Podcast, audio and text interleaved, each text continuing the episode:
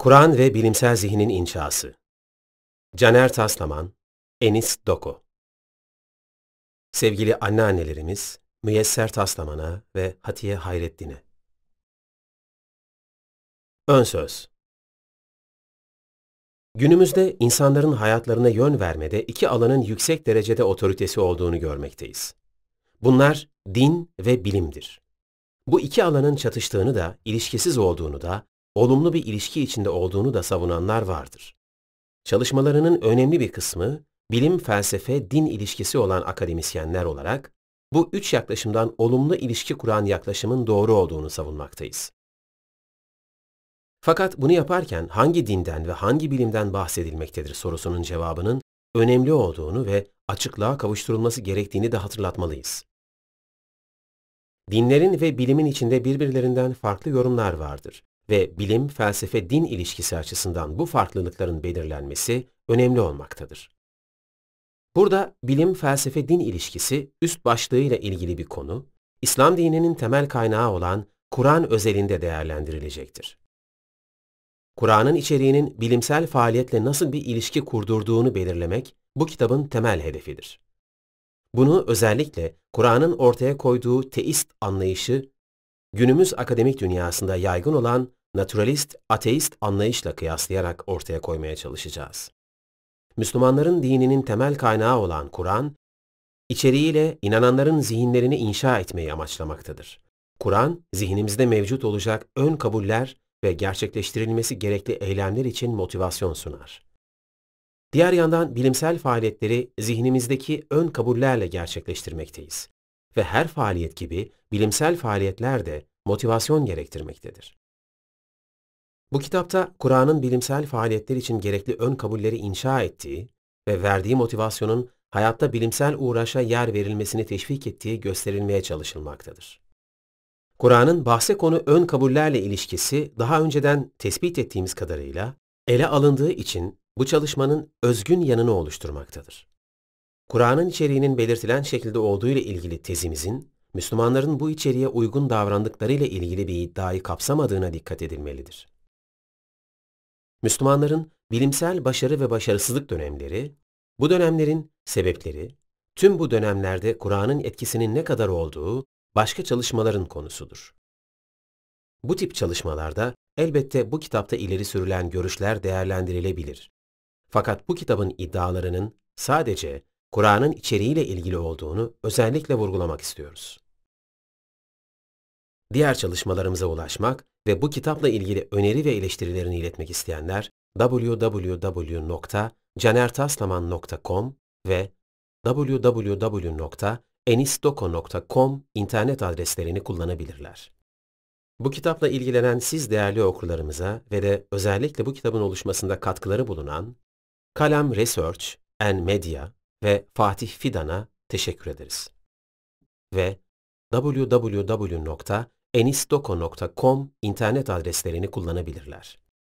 Bu kitapla ilgilenen siz değerli okurlarımıza ve de özellikle bu kitabın oluşmasında katkıları bulunan Kalam Research and Media ve Fatih Fidan'a teşekkür ederiz.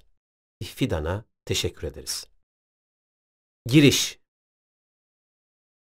Bu kitapta İslam özelinde bilim-din ilişkisini felsefi bir bakışla incelemeye çalışacağız. Bunu yaparken İslam dini hakkındaki incelememizi İslam'ın temel kaynağı Kur'an'la sınırlandıracağız. Müslümanların temel kaynağı Kur'an olsa da, Kur'an'ın yanında tarihsel süreçlerde yaşananların mezhep yorumlarının, hadis kaynaklarının, siyasi liderlerin, kanaat önderlerinin, tasavvuf ekollerinin, Kur'an'ın belli kısımlarını, örneğin bedensel ibadetlerle ilgili olanları, diğer kısımların önüne çıkaran tercihlerin de Müslümanların bilimle ilişkisi üzerinde etkili olduğu tarihsel bir vakadır. Bu yüzden Kur'an üzerinde yapılacak bir çalışma elbette tarih boyunca Müslümanların bilimle ilişkisinin nasıl olduğunun anlaşılmasını detaylı bir şekilde sağlamaz.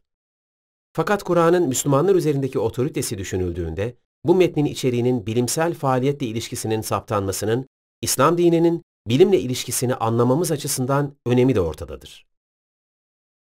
Kur'an bilim ilişkisi denilince daha çok Kur'an'ın içeriğinin bilimsel teorilerle beraber değerlendirilmesi akla gelmektedir.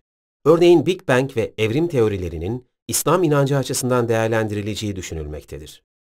Veya Kur'an ayetlerinde evrenin genişlediğine ve çocuğun anne rahmindeki gelişimin aşamalarına işaret olup olmadığı gibi, Kur'an'ın ifadelerinin bilimsel bulgularla karşılaştırılmasından bahsedileceği sanılmaktadır.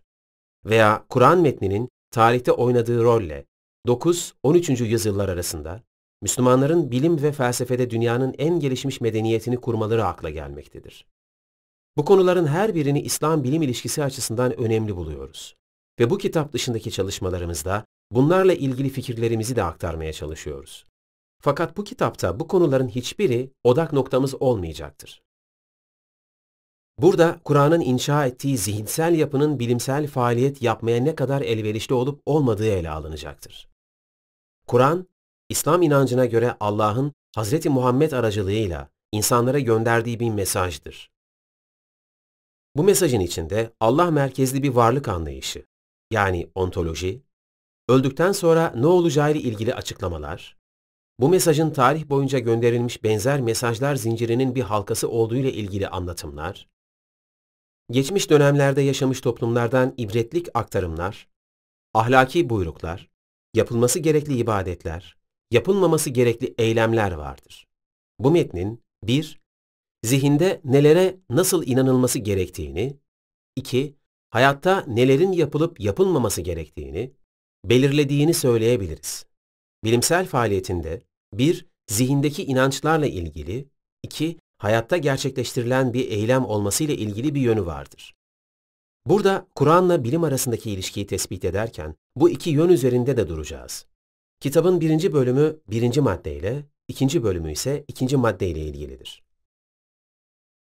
Kitabın ilk bölümünde Kur'an'ın içeriğiyle ve varlık anlayışıyla inşa ettiği zihin yapısının bilimsel faaliyetle ilişkisi incelenecektir. Bunu yaparken Kur'an'ın bilimsel faaliyet yapılırken zihinde mevcut olan ön kabulleri desteklediğine dair tezimizi ortaya koyacağız. Bu kitabı yazmadan önce Kur'an'ın bilimle ilişkisini bu ön kabuller üzerinden inceleyen çalışmalara rastlamadık. Kitabımızın içeriğinin özellikle de bu hususta özgün olduğuna inanıyoruz ve bu bölüme özellikle dikkat edilmesi gerektiğine inanıyoruz. Ön kabul kavramı bazılarınca şartlanmış olmak ve objektif olamamak gibi negatif anlamlarda kullanılsa da burada bu kavramı böylesi negatif bir anlamda kullanmadığımızı, tersine bilimsel faaliyeti destekleyen zihin durumlarıyla ilişkilendirerek kullandığımızı belirtmeliyiz. Ön kabulleri ilerleyen sayfalarda ele alırken bunları neden bu şekilde değerlendirdiğimizin rahatça anlaşılabileceği kanaatindeyiz. Hayatımızda bazı görüşleri belli bir şekilde edindikten sonra artık bunlar ön kabul olarak zihnimize eşlik eder ve birçok olguyu bu ön kabullerle değerlendiririz. Her gördüğümüz olguda bu olguyu anlamamızı mümkün kılan ön kabulleri en baştan gözden geçirmeye hiçbirimizin gücü yetmez. Bu yüzden daha önce edindiğimiz belli kanaatler sonraki olgulara değerlendirmemiz için ön kabul görevi görürler. Örneğin dünyanın yuvarlak olduğunu öğrendikten sonra artık birçok olguyu değerlendirirken bu bilgi ön kabul olarak zihnimizde bulunur ve mevsimler gibi birçok fiziksel olguyu bu ön kabul çerçevesinde anlarız. Ön kabuller doğru olabildiği gibi yanlış da olabilir. Örneğin dünyanın yuvarlaklığı bilgisinin doğru bir ön kabul olduğu kanaatindeyiz ama Aristoteles fiziğinin etkisiyle fiziki süreçleri değerlendirenler taşın yere düşmesini, her şeyin kendi doğal yerine doğru hareket ettiği ön kabulüyle değerlendiriyorlardı ki, bu ön kabul düzeltilmiş ve modern fizikte terk edilmiştir. Ön kabuller değişebilir. Ön kabullerden kasıt körü körüne inançlar değildir. Körü körüne inançlar olması da muhtemeldir. Fakat bunlar önceden doğruluğu kabul edilmiş bilgilerdir ve her seferinde tüm bilgilerimizi gözden geçirme kudretine sahip olmadığımız için hepimizin aklında olayları değerlendirirken farkında olalım veya olmayalım ön kabuller mevcuttur. Doğru ön kabuller, doğru değerlendirmeler yapmamızı desteklerken, yanlış ön kabuller, sonraki yanlışlar zincirinin tetikleyicisi olabilirler. Hiçbir düşünce sistemi sonsuz sayıda temellendirme mümkün olmadığı için ön kabullersiz var olamaz. Bütün disiplinler temel kabul edilen bazı ön kabuller üstüne kurulur. Çoğu insanın en güvenilir disiplinler olarak gördüğü mantık, aritmetik, geometri, aksiyomlar olarak adlandırılan ön kabullere dayanır. Bu disiplinler içindeki bütün ispatlar bu ön kabuller aracılığıyla yapılır. Benzer şekilde burada sunduğumuz ön kabuller, bilimin sonuçlarını üstüne inşa ettiği temel aksiyomları olarak görülebilirler. Burada yapacağımız analiz sosyolojik, psikolojik, pragmatik, geleneksel etkilerden soyutlanmış şekilde idealize ettiğimiz bir zihnin, Kur'an'ın sunduğu paradigma çerçevesinde nasıl ön kabuller kazanacağı ve motivasyon edineceğiyle ilgilidir.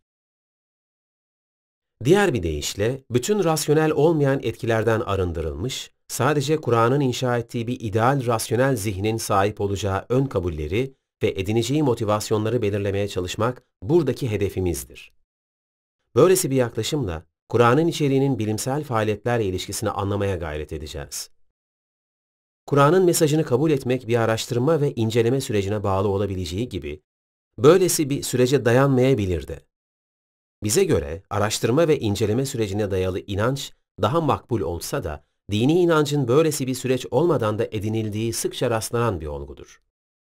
Her durumda Kur'an'ın mesajını kabul eden kişinin zihni teizmin yani tek tanrılı inancın monoteizmle aynı anlamda kullanıyoruz. Varlık anlayışına göre şekillenir. Bu varlık anlayışına göre Allah tektir. Yani vahittir. Ezelidir. Yani evveldir. Rasyoneldir. Alim ve hakimdir. Çok kudretlidir. Kadirdir. Merhametlidir. Yani Rahmandır ve tüm varlıkların varoluşlarını ve varlıklarını sürdürmelerini sağlayan O'dur. Aşağıda göstereceğimiz gibi teizmin varlık anlayışı, bilimsel faaliyet yapılırken zihnin sahip olması gerekli birçok önemli ön kabulü desteklemektedir. Bu ön kabuller özellikle Kur'an'ın teizmin varlık anlayışını öğretmesiyle desteklendiği için bu varlık anlayışını benimseme hususunda Yahudilik ve Hristiyanlık gibi dinlerle İslam'ın temel metni Kur'an arasında bir fark olmadığını baştan belirtmekte fayda görüyoruz. Bu hususlarda Kur'an'ın da içinde olduğu teist yaklaşımlarıyla naturalizm yani ateizm, materyalizm arasındaki farkı saptamak önemlidir. Kimi hususlarda ise Kur'an'da diğer teist yaklaşım sahiplerine nazaran daha fazla ön plana çıkan veya diğer teist inanç sahiplerinde olmayan özellikler olduğuna da dikkat edilmelidir. Kur'an'ın oluşturduğu zihin yapısının bilim için gerekli ön kabulleri desteklediğini 7 tane bilimsel faaliyeti destekleyen ön kabule dikkat çekerek göstereceğiz. Bunların birincisi evrenin rasyonel, anlaşılabilir yapısı olduğuna dair ön kabuldür.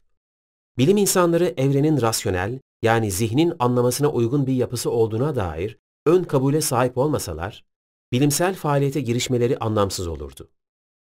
İkincisi, insan zihninin evrenle ilgili doğru bilgilere ulaşabileceğiyle ilgili ön kabuldür. Zihnin doğruya ulaşma kapasitesi mümkün görülmezse, bilimsel çaba anlamsız olur. Üçüncüsü, bilimsel faaliyetin objesi olan evrenin keşfedilebilir olduğuna dair ön kabuldür. Evrenin yapısının keşfedilmeye imkan tanımadığı düşünüldüğünde de bilimsel faaliyet anlamsızlaşır. Dördüncüsü, bilimsel faaliyetle ulaşılan yasaların evrensel olduğuna dair ön kabuldür. Eğer bilim insanları buldukları yasaların dünyanın farklı yerlerinde farklı olmasını ve zamandan zamana bu yasaların değişmesini bekleselerdi, bu yasaları bulma faaliyeti anlamsızlaşırdı. Beşincisi, bilimin objesi olan evrenin, maddenin ve canlıların incelenmesinin değerli bir uğraş olduğuna dair ön kabuldür. Eğer yapacağınız faaliyette sarf edeceğiniz emeğe ve vakte değmediğini düşünüyorsanız, bu uğraşı değerli bulmuyorsanız ona başlamazsınız bile. Altıncısı, evren hakkında bilgi elde etmede gözlemin önemli olduğuna dair ön kabuldür. Eğer masa başında sırf aklımızı çalıştırarak bilim yapmanın mümkün olduğu düşünülürse, bilimsel başarıların en önemli destekçisi olan gözlem gereğince yapılmaz. Örneğin bu madde Kur'an'ın gözleme davet etmesi gibi hususlarla ilgilidir ve her teist inancın bu şıkkı desteklemediğine dikkat edilmelidir. Yedincisi, evreni anlamada matematiğin önemli olduğuna dair ön kabuldür. Eğer evreni anlamada matematikten faydalanmazsanız, evrene gereğince nüfuz edemezsiniz ve geçmişle gelecek hakkında öngörüde bulunmanız mümkün olmaz. Bu ön kabullerle bilim yapan birçok naturalist, ateist ya da materyalist de denebilir, elbette vardır. Fakat Kur'an'a inananlar ve birçok maddede diğer teistler için bilimsel faaliyete girişirken bunlara inanmanın rasyonel temeli vardır. Buradaki temel amacımız Kur'an'la bilimsel faaliyet arasındaki ilişkiyi değerlendirmek olsa da Kur'an, teist varlık anlayışını ortaya koyduğu için burada söylenenlerin önemli bir kısmının teizm bilimsel faaliyet ilişkisi açısından da önemli olduğunu belirtmeliyiz. Kitabın ikinci bölümünde ise Kur'an'ın bilimsel uğraş için motivasyon sağladığı gösterilecektir. Dünyada geniş kitleler üzerinde etkili olan hiçbir dinsel metinde evreni, canlı ve cansız varlık ve süreçleriyle doğayı tanımaya, bunlar üzerinde derin derin düşünmeye, doğadaki fenomenlerden sonuçlar çıkarmaya Kur'an'daki kadar yoğun teşviğe rastlanmaz. Kısacası bu bölümde aktarılanlar açısından Kur'an'ın diğer dinlerin metinlerinden daha farklı bir konumda olduğuna dikkat edilmelidir. Kur'an açısından evreni anlamayla ilgili her türlü faaliyet Allah'ın gücünü, kudretini, sanatını, ahireti yaratmasının ne kadar kolay olduğunu anlamaya hizmet etmektedir. Yani evreni tanımak, Allah'ı tanımanın aracıdır. İslam açısından Allah'ı tanımak olabilecek en önemli bir hedef olduğu için bilimsel faaliyet bu hedefe hizmet eden yararlı bir faaliyettir. Ayrıca bu faaliyet Allah'ın birçok Kur'an ayetindeki emirlerinin yerine getirilmesiyle alakalıdır. İslam düşüncesini benimseyen biri için bunlar olabilecek en üst seviyede motivasyon kaynaklarıdır. Bilimsel faaliyetlerinde böylesi bir motivasyon etkili olmuş olan, kendi çağının en iyi astronomu olarak gösterilen ve aynı zamanda iyi bir matematikçi de olan Battani, 858-929, şöyle demektedir. Astronomi ile ilgili fenomenlere dikkatimizi vererek, gözlem yaparak ve onlar hakkında derinlemesine düşünerek Allah'ın birliğini ispatlamak ve yaratıcının gücünün boyutunu, engin bilgeliğini ve hassas tasarımını fark etmek mümkündür. Elbette Kur'an'ın bu motivasyonunun dışında bilimsel faaliyetin karşılığında para, şöhret veya karizma kazanılması gibi başka motivasyon araçları da vardır. Bu diğer motivasyon kaynaklarının bilim yapılmasını teşvik edici gücü hepimizce malumdur ve bir Müslümanın da bu tip motivasyonlara sahip olmasında bir sorun yoktur. Ama Kur'ani paradigma içerisinde Allah'ı tanımak ve Allah'ın emirlerini yerine getirmek, tüm bunlardan çok daha önemli bir hedef olduğu için bir Müslüman açısından daha üst seviyede bir motivasyon kaynağıdır. Bunu anlamaya hizmet etmektedir. Yani evreni tanımak, Allah'ı tanımanın aracıdır. İslam açısından Allah'ı tanımak olabilecek en önemli bir hedef olduğu için bilimsel faaliyet bu hedefe hizmet eden yararlı bir faaliyettir. Ayrıca bu faaliyet Allah'ın birçok Kur'an ayetindeki emirlerinin yerine getirilmesiyle alakalıdır. İslam düşüncesini benimseyen biri için bunlar olabilecek en üst seviyede motivasyon kaynaklarıdır. Bilimsel faaliyetlerinde böylesi bir motivasyon etkili olmuş olan, kendi çağının en iyi astronomu olarak gösterilen ve aynı zamanda iyi bir matematikçi de olan Battani, 858-929, şöyle demektedir. Astronomi ile ilgili fenomenlere dikkatimizi vererek, gözlem yaparak ve onlar hakkında derinlemesine düşünerek Allah'ın birliğini ispatlamak ve yaratıcının gücünün boyutunu, engin bilgeliğini ve hassas tasarımını fark etmek mümkündür. Elbette Kur'an'ın bu motivasyonunun dışında bilimsel faaliyetin karşılığında para, şöhret veya karizma kazanılması gibi başka motivasyon araçları da vardır. Bu diğer motivasyon kaynaklarının bilim yapılmasını teşvik edici gücü hepimizce malumdur ve bir Müslümanın da bu tip motivasyonlara sahip olmasında bir sorun yoktur. Ama Kur'ani paradigma içerisinde Allah'ı tanımak ve Allah'ın emirlerini yerine getirmek, tüm bunlardan çok daha önemli bir hedef olduğu için bir Müslüman açısından daha üst seviyede bir motivasyon kaynağıdır. Ve Allah'ın emirlerini yerine getirmek, tüm bunlardan çok daha önemli bir hedef olduğu için bir Müslüman açısından daha üst seviyede bir motivasyon kaynağıdır. Birinci Bölüm Kur'an ve bilimsel faaliyetlere eşlik eden ön kabuller 1. Evrenin rasyonel, anlaşılır yapısı vardır. Dış dünya ile alakalı olguları gözlemsel ve deneysel süreçlerden hareket eden yöntemlerle keşfetmeyi hedefleyen bilimsel faaliyetin en temel ön kabullerinden biri, evrenin rasyonel, anlaşılabilir bir yapıda olduğudur. Evrenin anlaşılabilir olması için insan zihni tarafından anlaşılabilecek düzenliliklere, diğer bir deyişle yasalara sahip olması gerekmektedir. Eğer evren düzensiz, kaotik bir yapıya sahip olsaydı, diğer bir deyişle temel yapı bizim anlayış kapasitemizi aşsaydı, bilimsel faaliyet mümkün olmazdı. Evrenin rasyonel, anlaşılabilir yapıya sahip olması, bilimin en temel ön kabulü olmasına karşın, evrenin en derin muammalarından biridir. Bilimsel faaliyet sürecinde böylesi bir ön kabule sahip olması üzerine hiç düşünmemiş olanlar çokça olsa da, birçok önemli bilim insanı bu muamma karşısındaki şaşkınlıklarını açıkça ifade etmişlerdir. Mesela ünlü fizikçi Albert Einstein, evrenin anlaşılabilir olması konusunda şunları söylemiştir. Evrenin gerçek gizemi onun anlaşılabilir olmasıdır. Onun anlaşılabilir olduğu gerçeği mucizedir. Einstein'la beraber diğer bazı bilim insanları ve felsefeciler de evrenin rasyonel, anlaşılabilir yapıda olmasının bilim yapmayı mümkün kılan olağanüstü bir olgu olduğuna dikkat çekmişlerdir. Buna karşın evrenin rasyonel, anlaşılabilir bir yapıda olduğu birçok bilim insanı için sorgulanmadan kabul edilen bir ön kabuldür. Bilim insanları bu ön kabulle faaliyetlerine girişirler. Hatta birçok bilim insanı zihinlerinde böyle bir ön kabul olduğunu bile fark etmezler. Birçok bilim insanı neden kaos değil de doğa yasaları var veya evrenin rasyonel, anlaşılır bir yapıda olması nasıl mümkün olmuştur? şeklindeki dev öneme sahip soruların var olduğunun farkına varmadan çalışmalarını gerçekleştirmişlerdir ve gerçekleştirmektedirler.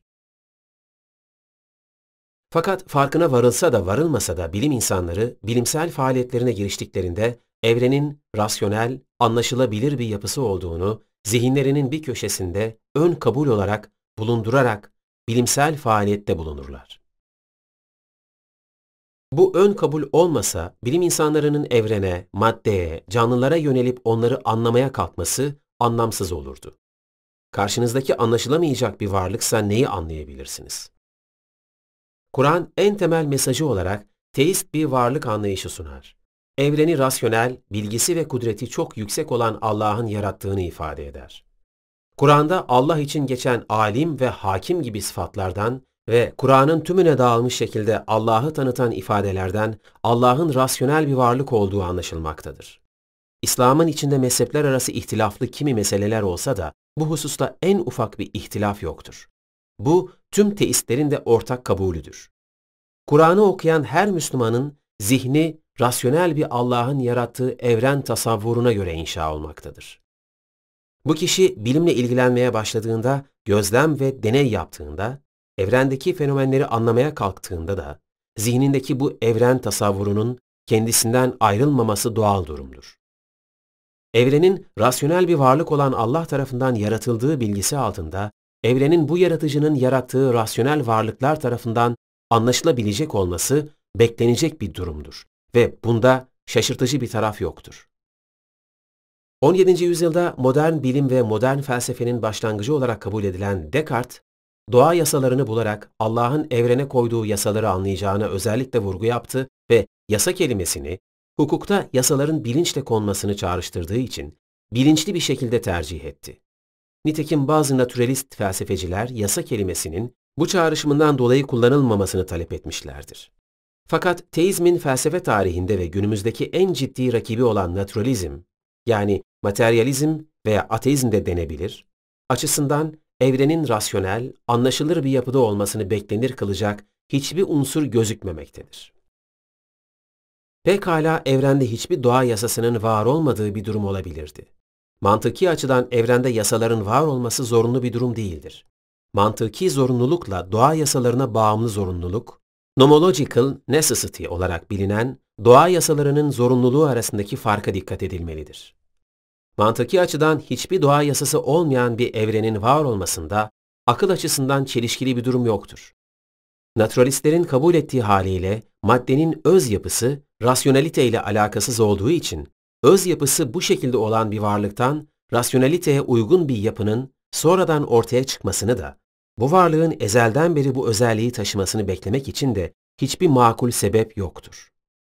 Naturalist bakış açısından yasalara getirilebilecek yaklaşımlar kabaca iki grupta toplanabilir. Birincisi, doğa yasalarının düzenliliği olarak bilinen görüştür.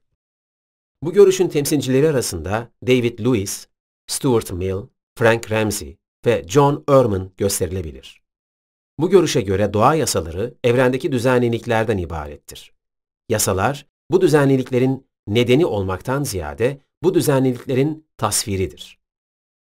Bu görüşe göre elektronların hepsi eksi yüklü olduğu içindir ki, bütün elektronlar eksi yüklüdür diye bir yasadan bahsedebiliriz. Bu yasa, evrendeki bütün elektronların eksi yüke sahip olması düzenliliğinin bir tasvirinden başka bir şey değildir. Elektronların eksi yüke sahip olmasınınsa bir açıklamaya ihtiyacı yoktur. Bu yaklaşımın naturalist paradigma içerisinde en makul doğa yasası tanımı olduğu düşünülmüştür.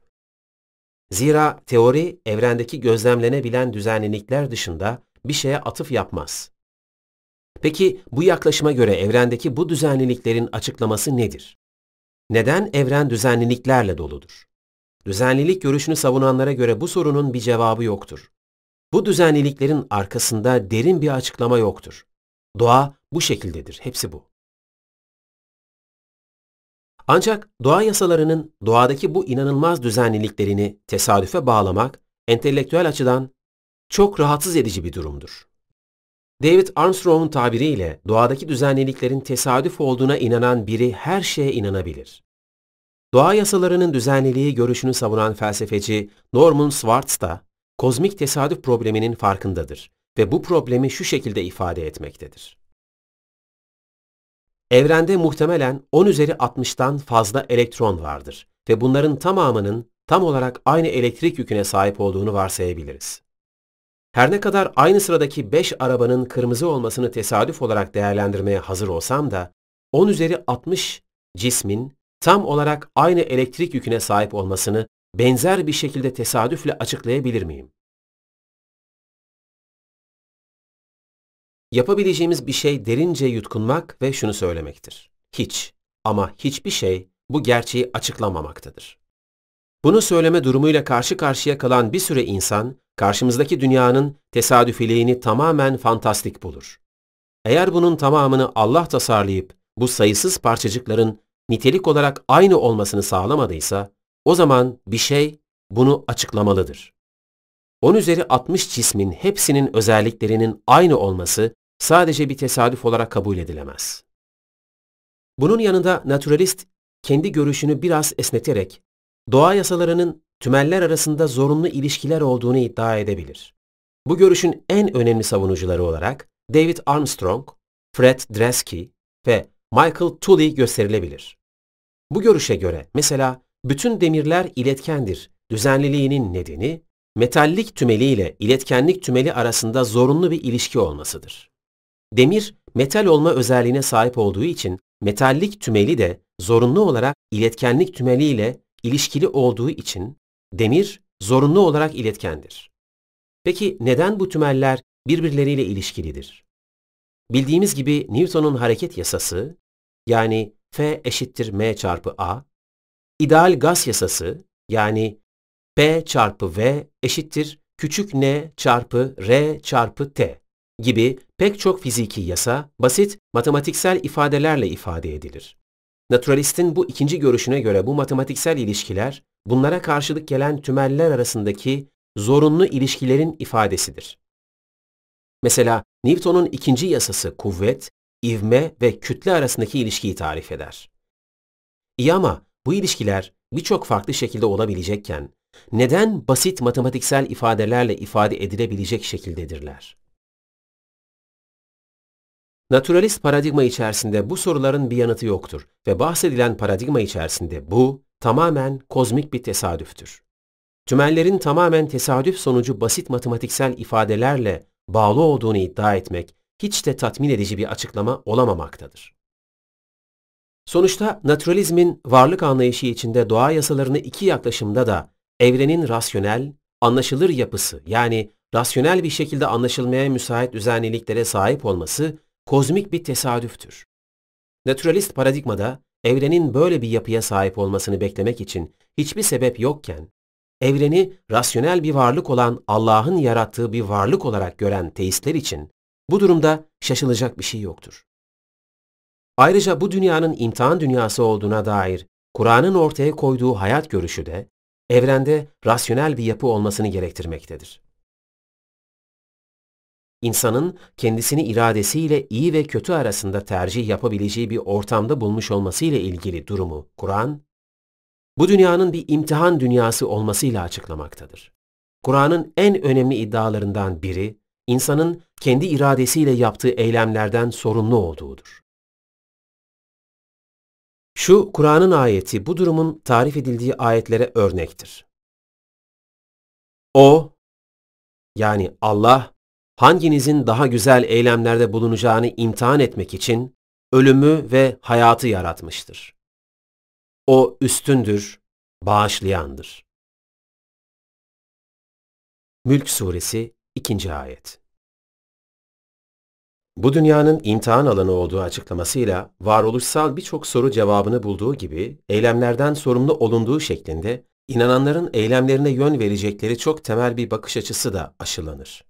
Ahlak ve varoluşsal felsefe gibi alanlarla ilgili bu çok önemli konunun evrenin rasyonel bir yapısı olması gibi başta fizik olmak üzere doğa bilimleriyle alakalı bir konuyla nasıl ilişkili olduğu birçok kişiye ilk bakışta anlaşılması zor bir konu olarak gözükebilir. Ancak doğa yasalarının olması koşuluyla evren rasyonel bir yapıya sahip olabilir ve böylece eylemlerimizin sonuçlarını anlayabiliriz. Ve ancak eylemlerimizin sonuçlarını anlıyorsak o eylemden sorumlu olabiliriz. Şöyle bir örnek düşünün. Yüksek bir uçurumun kenarında duran masum bir kişiyi biri itse, iten kişinin bu eyleminin yanlış olduğuna çok rahat karar veririz. İnsan olarak bu davranışı kınayacağımız gibi bir mahkemede hakim olma gibi bir vasfımız olsa, bu eylemde bulunan kişinin cezalandırılmasına da rahatlıkla hükmedebiliriz. Fakat bir an için doğa yasalarının var olmadığı bir dünya hayal etmeye çalışın. Bu dünyada ileri itilen insanlar bazen geriye doğru geliyor veya yukarı doğru uçuyor olsun. Uçurumdan aşağı düşen insanlar bazen zemine çarpınca organları daha dinç oluyor veya düşmekten çok büyük haz alıp hiç zarar görmüyor olsunlar.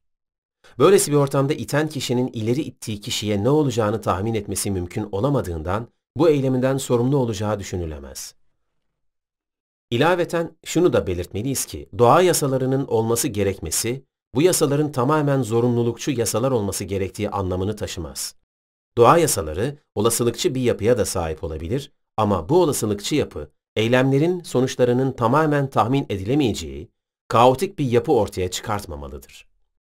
Diğer bir deyişle insanın en azından kısmi öngörü yapabilmesi, mevcut olasılıkları anlayabilmesi ve olaylarla nedenler arasında bir bağ kurabilmesi kafidir.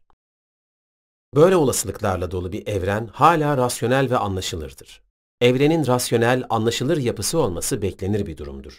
Çünkü birincisi, evreni yaratan Allah rasyonel bir varlıktır ve ikinci olarak Kur'an'ın paradigmasının önemli bir unsuru olan imtihan dünyasında olmamız ancak böyle bir evrende mümkündür. Bu yüzden Kur'an'a bağlı bir teistin bilimle ilgilenirken bu ön kabule sahip olması Kur'an metninin zihinleri şekillendirmesinin rasyonel sonucudur.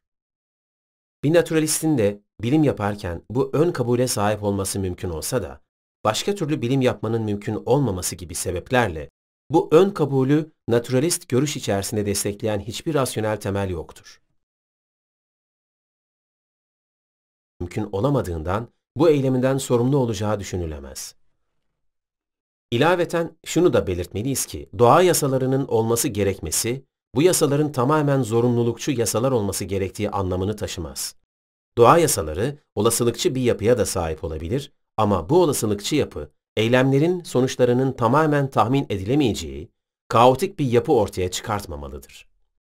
Diğer bir deyişle insanın en azından kısmi öngörü yapabilmesi, mevcut olasılıkları anlayabilmesi ve olaylarla nedenler arasında bir bağ kurabilmesi kafidir. Böyle olasılıklarla dolu bir evren hala rasyonel ve anlaşılırdır. Evrenin rasyonel, anlaşılır yapısı olması beklenir bir durumdur. Çünkü birincisi, evreni yaratan Allah rasyonel bir varlıktır ve ikinci olarak Kur'an'ın paradigmasının önemli bir unsuru olan imtihan dünyasında olmamız ancak böyle bir evrende mümkündür. Bu yüzden Kur'an'a bağlı bir teistin bilimle ilgilenirken bu ön kabule sahip olması Kur'an metninin zihinleri şekillendirmesinin rasyonel sonucudur. Bir naturalistin de bilim yaparken bu ön kabule sahip olması mümkün olsa da başka türlü bilim yapmanın mümkün olmaması gibi sebeplerle bu ön kabulü naturalist görüş içerisinde destekleyen hiçbir rasyonel temel yoktur. olsa da başka türlü bilim yapmanın mümkün olmaması gibi sebeplerle bu ön kabulü naturalist görüş içerisinde destekleyen hiçbir rasyonel temel yoktur. 2. İnsan zihni evren hakkında doğru bilgilere ulaşabilir. Evrenin insan rasyonalitesi tarafından anlaşılır olabilmesi için üç şart gerekmektedir. Birincisi evrenin yapısı rasyonel olmalıdır. İkincisi gerekli zihinsel donanıma sahip olunmalıdır. Üçüncüsü evren ve zihin arasındaki uyum sağlanmalıdır. Bir önceki başlıkta evrenin rasyonel yapısı olması gerektiği ele alındı. Bu başlık altındaysa zihnin gerekli donanıma sahip olması gerektiği ve evrenle zihin arasında uyum olması gerektiği beraber ele alınacaktır. Bir zihin ne kadar hünerli olursa olsun, evrende rasyonel bir yapı olmazsa evreni anlayamaz. Diğer yandan evrenin yapısı rasyoneliteye uygun olsa da zihnin gerekli donanımı yoksa evrenin anlaşılması yine mümkün değildir. Ayrıca evrenin rasyoneliteye uygunluğu zihnin anlama kapasitesiyle uyumlu olmak zorundadır. Zira evren rasyonel bir yapıya sahip olup da onu anlamaya kalkacak zihnin kapasitesinin ulaşamayacağı ölçüde karmaşık olursa anlaşılma işlemi yine mümkün değildir.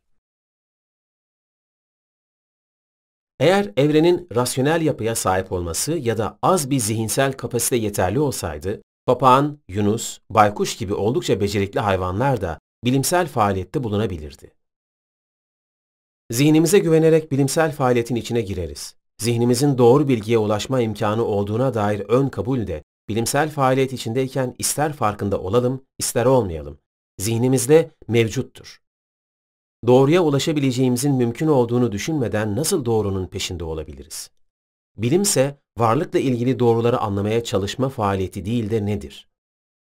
Bilimsel faaliyet böylesi bir ön kabulü gerektirirken, bu ön kabule elbette rasyonel bir temeli olmadan da birçok kişi inanabilir. Ama felsefi açıdan hangi dünya görüşü ve felsefi dini inanç çerçevesinde bunun beklenir olduğu da cevaplanması gerekli bir sorudur. Buradaki iddiamız Kur'an'ın sunduğu teizm içinde bu ön kabulün beklenir olduğudur. Bir teist için Allah hem evrenin hem zihnin yaratıcısı olduğu için evreni rasyoneliteye uygun, zihni rasyoneliteye sahip, ikisini ise birbiriyle uyumlu yaratmış olduğunu düşünmek gayet doğaldır. Bu yüzden bir teistin zihin evren hakkında doğru bilgilere ulaşabilir gibi bilimsel açıdan önemli bir ön kabule sahip olmasında bir sorun yoktur.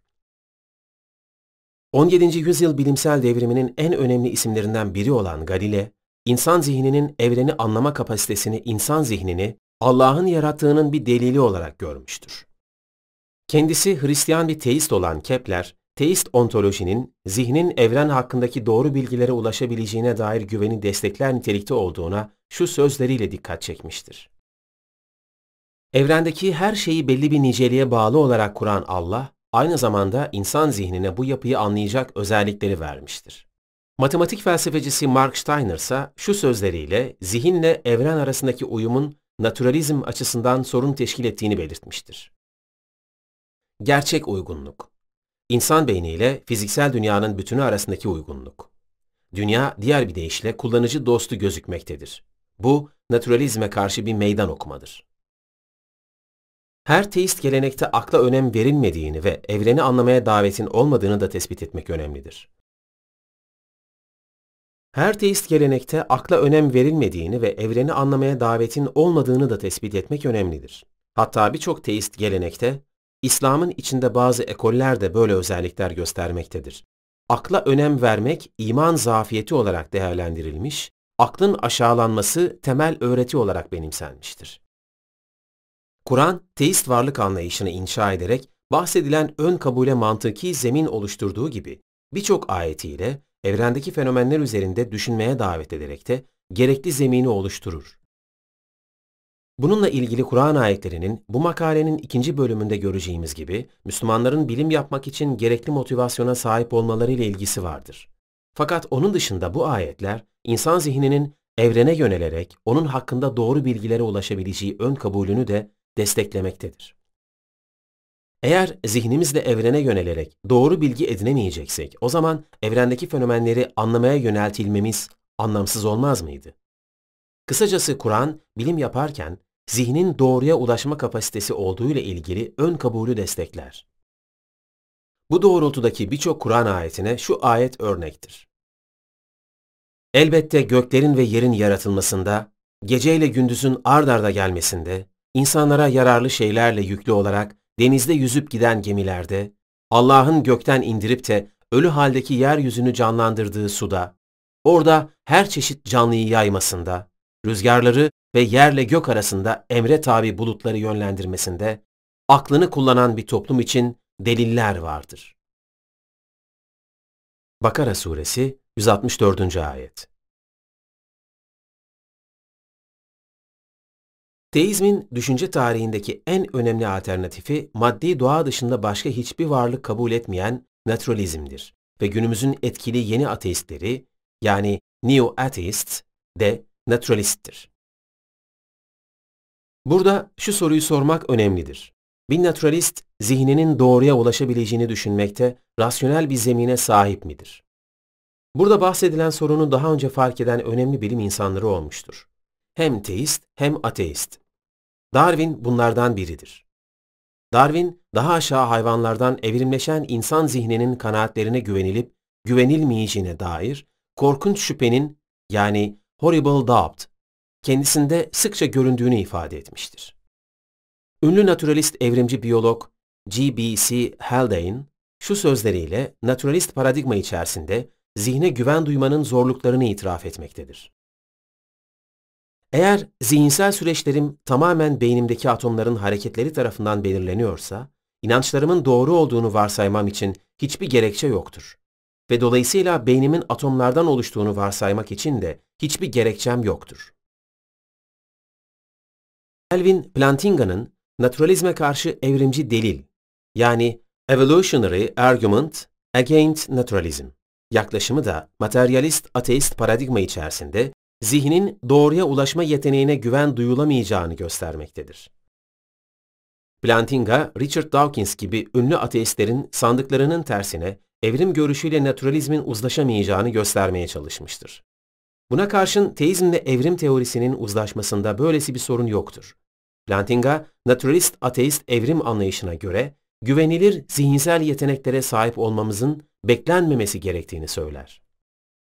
Çünkü bu anlayışa göre evrimin mekanizmalarının sadece uyum sağlayanı, yaşayabileni ve üreyebileni seçmesi beklenir. Fakat doğru bilgiyi elde eden güvenilir zihinsel yetenekleri seçmesi için bir neden yoktur. Diğer yandan bir teist, Allah'ın insanları kendisini bilebilecek ve sanatını takdir edebilecek şekilde yarattığını, evrim aracılığıyla veya evrimsiz düşündüğü için akıl yürütme süreçlerimizle doğru bilgilere ulaşabilecek olmamızı beklenir kılacak bir paradigmaya sahiptir. Materyalist ateist bir evrim anlayışını savunanlarsa, akıl yürütme süreçlerimize güvenilebileceğini iddia edecek bir temel bulamayacakları için, evrimin doğruluğu dahil herhangi bir doğruluk iddiasında bulunamazlar. Plantinga bu yaklaşımıyla naturalist bir yaklaşımla beraber evrim teorisinin savunulmasının birçok kişinin hiç beklemediği şekilde kendini çürüten yani self-defeating bir yaklaşım olduğunu göstermeye çalışmıştır. Plantinga'nın bu yaklaşımına en çok itiraz, doğru inancın yaşamayı ve genleri aktarmayı daha muhtemel kılacağı, bu yüzden doğal seleksiyonun doğru inançları seçtiği şeklinde yapılmıştır. Fakat materyalist açıdan olaya bakarsak, davranışlarımıza sebep olan beynimizdeki nöronal yapılardır.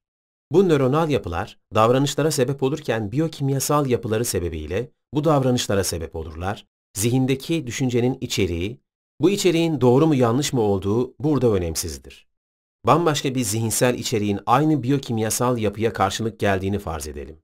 O da aynı davranışa sebep olacak. Çünkü davranışa sebep olan biyokimyasal yapı, sahip olduğu içerik doğru veya yanlış bir bilgiye karşılık gelip gelmediğinden bağımsız olarak etkide bulunmaktadır. Bir aslandan kaçan bir geyiği ele alalım. Bu geyiği hayatta tutan aslandan kaçmasıdır. Aslandan kaçarken eğer kaçamazsa, aslanın kendisini yiyeceğini doğru bir şekilde bilip bilmediği önemsizdir. Örneğin geyik aslanın kokusunu alınca burnu bu kokudan rahatsız olmaması için kaçması gerektiğini düşünüp koku kaynağından uzaklaşıyorsa veya burnu düşecek zannedip koku kaynağından uzaklaşıyorsa veya bunu bir koşu yarışı olarak düşünüp kaçıyorsa. Bunlar ve benzeri birçok senaryo aynı davranışa sebep olduğu için geyiğin yaşamasını ve genlerini sonraki nesillere aktarmasını destekler. Sonuçta doğru tek bir düşünceye karşı yanlış düşünce kümesi çok geniştir. Canlının yaşamını sürdürmesini ve genlerini aktarmasını destekleyen herhangi biri ise aynı işlevi görmeye yeterlidir. Naturalist evrim anlatımında doğru bilginin seçimini gerekli kılacak veya insan zihni için farklı bir perspektif açacak hiçbir unsur yoktur. Naturalist ateist paradigmaya göre doğal seleksiyon süreci her canlı için doğru bilgiyi değil, yaşatan biyokimyasal yapıyı seçecek şekilde işler. Akıl yürütme faaliyetinin tesadüfi bir doğal seleksiyon süreciyle oluştuğunu savunan bir naturalist, sıradan akıl yürütme faaliyetinin güvenilirliğini bile savunamaz duruma gelecektir. Fakat o zaman felsefi ve bilimsel üst seviyede bir akıl yürütmeyle ilgili olan naturalizmin ve evrim teorisinin doğruluğunu da savunamaz. Tarih boyunca naturalist görüşünün alternatifi olmuş teizme göre ise evren daha var olmadan önce akıl, irade, kudret, bilinç sahibi bir Allah vardı. Evren ve canlılar ister evrimle, ister başka türlü yaratılmış olsun, bu yaratılış süreci bu ezeli yaratıcının akıl ve irade gibi sıfatları çerçevesinde gerçekleşmiştir.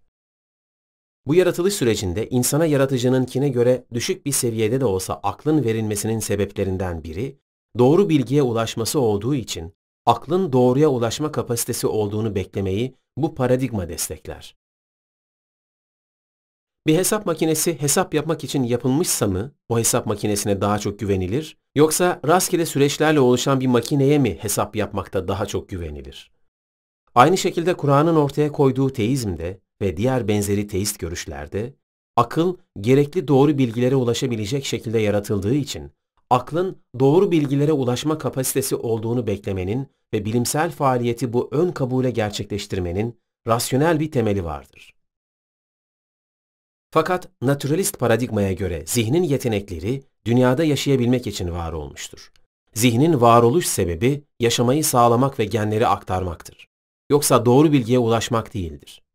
Bu paradigmalar kıyaslandığında Kur'an'ın ve benzeri teist yaklaşıma sahip olanların paradigmasının insan zihni evren hakkında doğru bilgilere ulaşabilir şeklindeki bilimsel faaliyet sürecinde zihinde mevcut olan ön kabulü daha iyi desteklediği gözükmektedir. Bu ezeli yaratıcının akıl ve irade gibi sıfatları çerçevesinde gerçekleşmiştir. Bu yaratılış sürecinde insana yaratıcınınkine göre düşük bir seviyede de olsa aklın verilmesinin sebeplerinden biri, doğru bilgiye ulaşması olduğu için aklın doğruya ulaşma kapasitesi olduğunu beklemeyi bu paradigma destekler. Bir hesap makinesi hesap yapmak için yapılmışsa mı o hesap makinesine daha çok güvenilir yoksa rastgele süreçlerle oluşan bir makineye mi hesap yapmakta daha çok güvenilir? Aynı şekilde Kur'an'ın ortaya koyduğu teizmde ve diğer benzeri teist görüşlerde akıl gerekli doğru bilgilere ulaşabilecek şekilde yaratıldığı için aklın doğru bilgilere ulaşma kapasitesi olduğunu beklemenin ve bilimsel faaliyeti bu ön kabule gerçekleştirmenin rasyonel bir temeli vardır. Fakat naturalist paradigmaya göre zihnin yetenekleri dünyada yaşayabilmek için var olmuştur. Zihnin varoluş sebebi yaşamayı sağlamak ve genleri aktarmaktır. Yoksa doğru bilgiye ulaşmak değildir. Bu paradigmalar kıyaslandığında Kur'an'ın ve benzeri teist yaklaşıma sahip olanların paradigmasının insan zihni evren hakkında doğru bilgilere ulaşabilir şeklindeki bilimsel faaliyet sürecinde zihinde mevcut olan ön kabulü daha iyi desteklediği gözükmektedir. Hakkında doğru bilgilere ulaşabilir şeklindeki bilimsel faaliyet sürecinde zihinde mevcut olan ön kabulü daha iyi desteklediği gözükmektedir. 3. Evrenin özellikleri keşfedilebilir. Bilimsel faaliyette bulunurken evrendeki fenomenleri anlamaktan daha da öteye geçerek evrendeki özellikleri keşfederiz. Suyun ısıtıldığında kaynadığı gibi olguları anlamamızı sağlayan zihnimizin kapasitesi olmasa dünyada yaşam da bilim de mümkün olmazdı. İlk başlıkta dikkat çektiğimiz zihnin evreni bu şekildeki anlama kapasitesiydi. Bilimsel çabayla bu anlama faaliyetiyle yetinmeyerek suyun özelliklerini, ısınmanın ne olduğunu ve su moleküllerinin hareketinin detaylarını ve bu moleküllerin nasıl oluştuğunu da keşfetmeye koyuluruz. Yani anladıklarımızın ötesine geçip olguların altında yatan daha derin nedenleri keşfe koyuluruz. Kalbimizin atışına sözümüz geçmez ama yıldızlarla ilgili özellikleri keşfedebiliriz. Evrenin müthiş büyüklüğü içinde güneş sistemimiz, güneş sisteminin içinde dünyamız, dünyamız içinde ise biz bir noktacık hükmündeyiz. Bu kadar büyük bir acizlik içinde zihnimizin evrendeki fenomenleri keşfetme kapasitesi müthiştir. Evrenin 13.8 milyar yıllık evrimini, evrenin başlangıcında maddeye kütle kazandıran Higgs parçacığını, milyonlarca yıl önce dinozorların yaşadığını, anne rahmindeki gelişimimizin mikro detaylarını bilimsel faaliyetler aracılığıyla keşfettik. Bilimsel çabanın hedefi evrendeki fenomenlerin altında yatan sebepleri ve bu fenomenlerin hangi süreçlerden geçerek mevcut duruma geldiklerini keşfetmektir. Görüldüğü gibi bilimsel faaliyete girişirken evrenin özelliklerinin keşfedilmesinin mümkün olduğuna dair ön kabul de zihnimizin bir köşesinde mevcuttur. Elbette evrenin keşfedilebilir olması demek, insanın her istediği sorunun cevabını istediği zaman sürecinde bulabileceği anlamına gelmez. Fakat böylesi bir ön kabulün bilimsel çabayı nasıl desteklediği ortadadır. Bir yerde su bulmak için kuyu açan kişi orada suyun keşfedilebilir olduğuna dair ön kabule sahiptir. Yoksa suyu keşfetmek için gerekli çabayı sarf etmez. Hatta kuyuyu açmaya başlamaz bile. Suyu keşfetmenin mümkün olduğunu bilmenin mutlak olarak suyun bulunmasını garanti etmediği bilinse de, suyun keşfedilebilme ihtimali kuyunun kazınmasını sağlar. Aynı şekilde evrenin keşfedilebilir özellikte olması, bilimsel faaliyetin gerçekleşmesi için yeterlidir. Ayrıca peşinde olunan özel soruyla ilgili özelliğin mutlak olarak keşfedilmesi, hatta keşfedilebilir olması da gerekli değildir. Birçok bilim insanı daha önceki başlıklarda ele alınanlar gibi evrenin keşfedilebilirliği olgusunun kendisi hakkında düşünmeden evreni keşfetmeye koydurlar. Bu durumdaki bilim insanları ses telleri hakkında düşünmeden şarkı söyleyen şarkıcılar veya ayakları hakkında düşünmeden koşan atletler gibidirler. Bunlar çoğu zaman şarkıları ve koşulları üzerine öylesine yoğunlaşırlar ki şarkı söylemeyi ve koşmayı neyin mümkün kıldığını düşünmek akıllarına bile gelmez. Ender olarak ses telleri hastalanınca veya ayakları sakatlanınca bunlar üzerine düşünseler de bu daha ziyade hastalığı geçirmeye çalışmak amaçlı bir objeleştirmedir. Ses tellerinin sesi nasıl oluşturduğu veya ayak fizyolojisinin detaylarına vakıf olma bu objeleştirmenin hedefi değildir.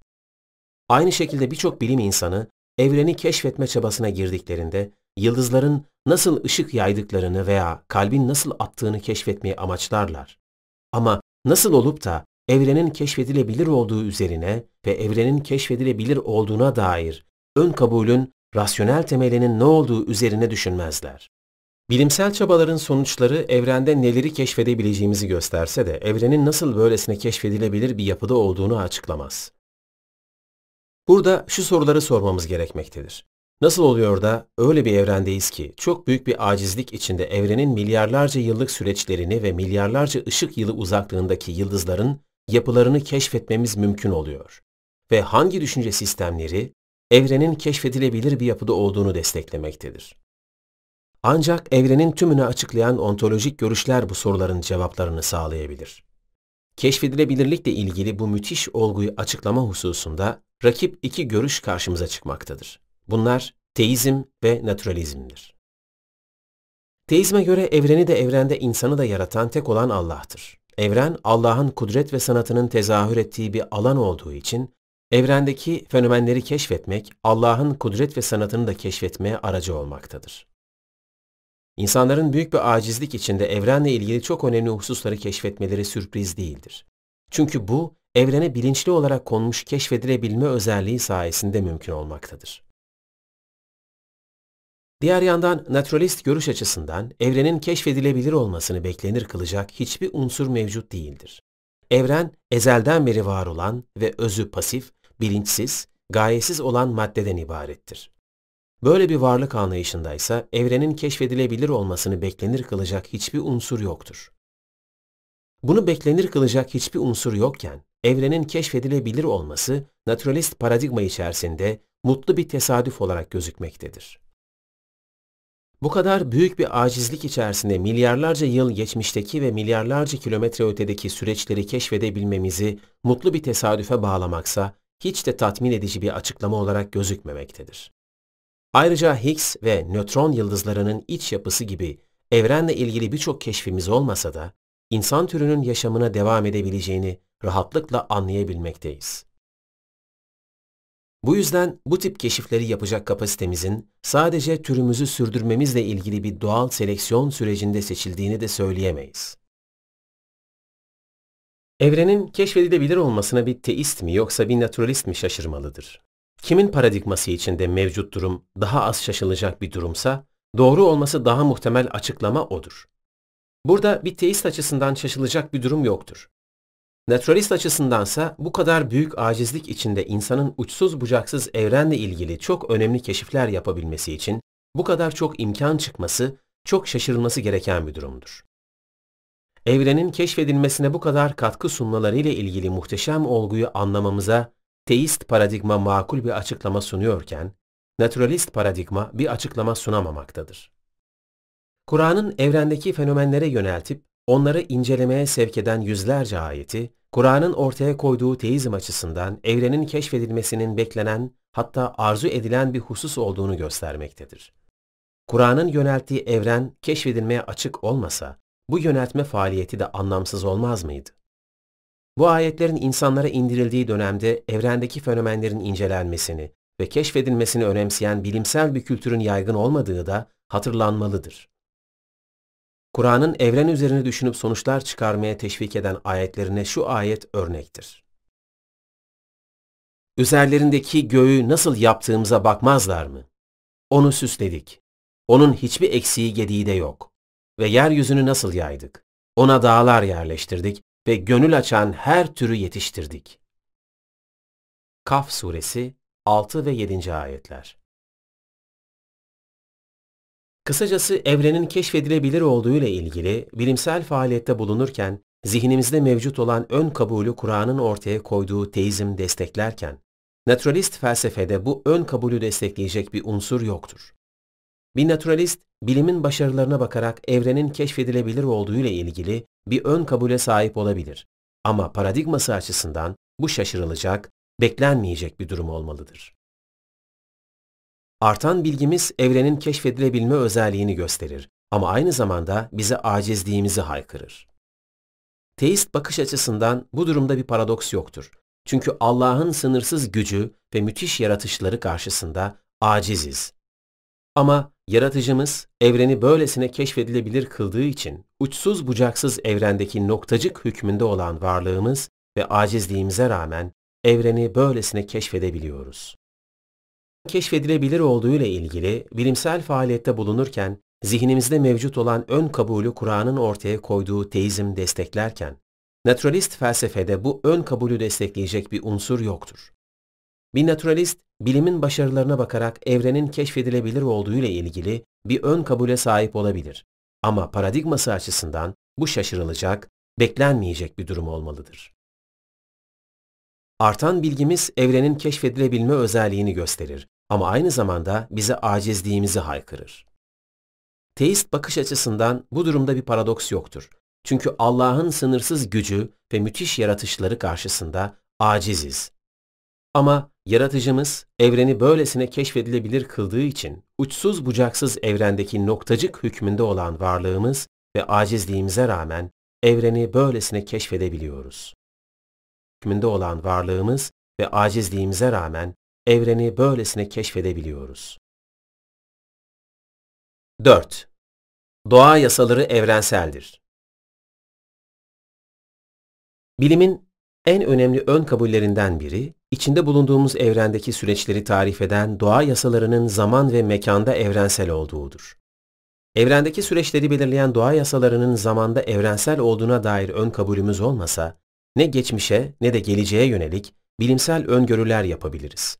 Özellikle geçmiş süreçlerle ilgilenen jeoloji ve kozmoloji gibi bilim dallarının güvenilirliği, doğa yasalarının geçmişte de aynı derecede geçerli olmasına bağlıdır. Diğer taraftan doğa yasalarının mekanda evrensel olması, bedensel olarak ulaşamadığımız uzak cisimleri inceleyen astrofizik gibi bilimsel disiplinlerin güvenilirliğini belirler. Aslında bilim dalları açısından bu kadar önemli olan doğa yasalarının evrenselliği güncel hayatımızı sürdürmemiz ve eylemlerimizin sonuçlarını bilmemiz açısından da şarttır. Eğer suyu içmemizin hayatımız için şart olmasını sağlayan biyoloji yasası değişseydi veya yüksek bir yerden atladığımızda aşağı düşmemizi sağlayan çekim gücü yasası değişseydi, dünyada yaptığımız eylemlerin sonuçlarını bilmemiz, hatta normal bir hayat sürmemiz bile mümkün olmazdı. Bilimsel faaliyete girişen kişi yasalara ulaşmaya çabalarken bulacağı yasaların evrensel olacağı zihninde bir ön kabul olarak vardır.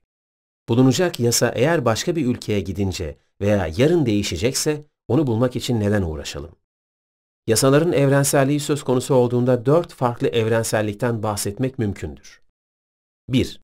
Yasalar özel uzay zamansal konumlara atıf yapmazlar. 2. Yasaların uzay ve zamanda sınırsız menzilleri vardır. 3. Yasalar uzay ve zaman koordinatlarını açıkça içermezler. 4. Yasalar uzay zamansal ötelemelerde değişmezdirler. Yasaların evrenselliği bilim felsefesindeki önemli bir problem olan tümevarım sorunuyla yakından ilişkilidir. Tümevarım sonlu sayıda gözlem önermesinden genel bir ilke çıkarma işlemidir. Örnek olarak aynı yüklü iki parçacığın birbirini ittiğini defalarca gözlemledikten sonra, aynı yüklü parçacıklar birbirini iter ilkesini çıkarımlarsak tümevarım yapmış oluruz. Bu genelleme işlemi ne kadar doğrudur? Diğer bir deyişle tümevarım güvenilir bilgi üreten bir yöntem midir? Ünlü felsefeci David Hume'a göre bu sorunun cevabı olumsuzdur. Ona göre tümevarımın rasyonel bir gerekçesi yoktur.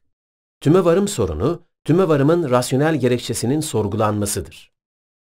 Tümevarım sorunu yasaların evrenselliğiyle yakından ilişkilidir.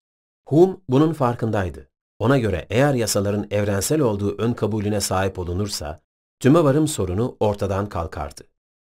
Zira geçmişte bolca yapılan ve kesin kanaat oluşturmuş gözlemlerden hareketle, evrenin sabit yasalara sahip olduğu ön kabulüyle gelecek hakkında da öngörüde bulunulabilir ve bu çıkarımlara güvenilebilir. Ancak Hume bu ön kabulün kendisinin de tüme varıma dayandığı gerekçesiyle sorunu çözemediğini iddia etmiştir. Hume'a göre yasaların evrenselliği ancak tüme varımla, tüme varım da yasaların evrenselliğiyle temellendirilebilirdi. Bilim felsefesindeki önemli yaklaşımlarından biri yanlışlamacılık yani falsification olarak bilinen yaklaşımdır. Karl Popper tarafından tümevarım sorununa çözüm olarak ortaya atılan bu yaklaşıma göre bir iddia ancak deneysel ve gözlemsel verilerle yanlışlanma imkanı tanıyorsa bilimseldir. Mesela aynı yüklü parçacıklar birbirini iter iddiası bilimseldir. Çünkü pekala bir deneyde aynı yüklü parçacıkların birbirini itmediği gözlemlenebilir. Dolayısıyla bu iddianın yanlış olduğu o deney aracılığıyla ortaya konabilir. Ama tümevarım sorunundan dolayı doğruluk iddiasında bulunulamaz. Yanlışlamacılık bilim felsefesinde eski popülaritesini kaybetse de bilim insanları arasında saygı gören bir yere sahiptir. Birçok kişi sadece tümevarımın yasaların evrenselliği ön kabulüne dayandığını zanneder. Ama yanlışlamacılık da tümevarım gibi yasaların evrenselliğiyle yakından ilişkilidir. Zira yasaların evrenselliği ön kabul olarak kabul edilmezse, testi geçen bir iddianın ileride aynı testte yanlışlanamayacağı, yanlışlanan bir iddianınsa ileride aynı testte doğrulanamayacağı bilinemez. Mesela aynı yüklü parçacıklar birbirini çeker iddiasını ele alalım. Bu iddiayı herhangi iki aynı elektrik yüküyle yüklü parçacıkla yapılacak deney kolayca yanlışlayacaktır. Mesela iki elektronu alıp yan yana bırakırsak, bunların birbirini ittiğini göreceğiz. Popper'a göre bu gözlem yukarıdaki iddiayı yanlışlamaya yeter. Peki yarın bir anda bu elektronların birbirini çekmeye başlamayacaklarını nereden biliyoruz? Yüklere hükmeden yasaların hep aynı kalacağı ön kabulüne sahip olmadan bu çıkarımı yapmamız mümkün değildir. Yanlışlamacılık da ancak yasaların evrensel olduğu, yani zamanla değişmeyeceği ve kaybolup ortaya çıkamayacağı ön kabulüne dayanır.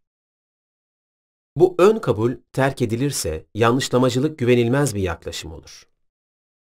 Naturalist paradigma içerisinde devamlı hareket halinde olan bir evrende mekan ve zamanda değişmeyen yasalar beklemek için hiçbir sebep gözükmemektedir. Fizikçi Paul Davies bu durumu şu şekilde özetlemektedir. Bilim insanı olmak için evrenin güvenilir, değişmez, mutlak, evrensel, kökeni belirsiz matematiksel yasalar tarafından yönetildiğine inanman gerekir. Bu yasaların geçersiz olmayacağına, yarın uyandığın zaman ısının soğuktan sıcağa aktığı gibi bir duruma rastlamayacağına ya da ışık hızının saat başı değişmeyeceğine inanman gerekir. Yıllar boyunca sık sık fizikçi meslektaşlarıma neden fizik yasaları oldukları gibidir diye sorarım. En sık verilen cevap şöyledir. Oldukları gibi olmaları için hiçbir gerekçe yoktur. Onlar sadece varlar. Bilimsel devrimin en önemli aktörü ve üçlemeyi reddeden bir Hristiyan olan Newton, doğa yasalarının evrenselliğiyle teist paradigma arasında bağ kurmuştur. Eğer evrensel bir hayat varsa ve bütün uzay düşünen varlığın yani Allah'ın doğrudan mevcudiyetiyle ondaki bütün şeyleri algıladığı bir alansa, o zaman yaşamdan ya da iradeden açığa çıkan hareket yasaları evrensel kapsamdadır. Yukarıda bir naturalistin doğa yasalarına muhtemel iki yaklaşımından bahsetmiştik. Eğer doğa yasaları birinci yaklaşım olan düzenlilik görüşündeki gibi doğadaki düzenliliklerden ibaretse ve bu düzenlilikler kozmik bir tesadüfse, o zaman bu düzenliliklerin gelecekte de devam edeceğini ya da evrenin gözlemleyemediğimiz kısımlarında da var olduğunu düşünmemiz için hiçbir neden olamaz. Bunu daha iyi anlamak için basit bir örnek verelim.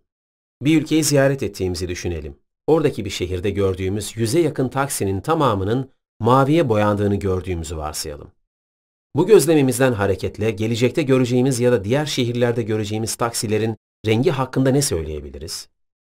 Eğer taksilerin mavi olmasının bir açıklaması varsa, bu açıklamanın tüm ülke için geçerli olduğunu öğrenirsek, o zaman gelecekte de bu ülkede göreceğimiz taksilerin mavi olacağını varsayabiliriz. Ancak bir an için taksilerin mavi olmasının arkasında bir açıklama olmadığını, bunun çok büyük bir tesadüf olduğunu varsayalım. Bu bilgi ışığında taksilerin rengini değerlendirdiğimizde başka şehirlerde ya da gelecekte bu şehirde göreceğimiz bütün taksilerin mavi olacağını iddia edemeyiz. Çünkü taksilerin renginin rastgele bir şekilde böyle olduğunu varsaydıktan sonra böyle bir iddiada bulunmak için hiçbir zeminimiz kalmaz. Taksilerin mavi olduğunu gözlemlemeye devam etsek bile bu da bir tesadüf olacaktır. Taksi örneğimizdeki gibi eğer doğada gözlemlediğimiz düzenlilikler büyük kozmik tesadüflerse, o zaman doğadaki düzenliliklerin evrensel olduğunu, gelecekte de bu düzenliliklerin bu şekilde kalacağını veya geçmişte de bu şekilde olduklarını veya bambaşka uzayın bölgelerinde de aynı şekilde geçerli olduklarını düşünmemiz için hiçbir sebep yoktur. Dolayısıyla doğa yasalarının düzenliliği görüşünde doğa yasalarının evrenselliği şaşırtıcı bir tesadüften başka bir şey değildir. Evrensellikle ilgili beklenti yersizdir. Naturalistin ikinci yaklaşımı olan doğa yasalarının tümeller arası zorunlu ilişkiler olduğu iddiası altında da yasaların evrensel olması yukarıdaki kadar şaşırtıcıdır.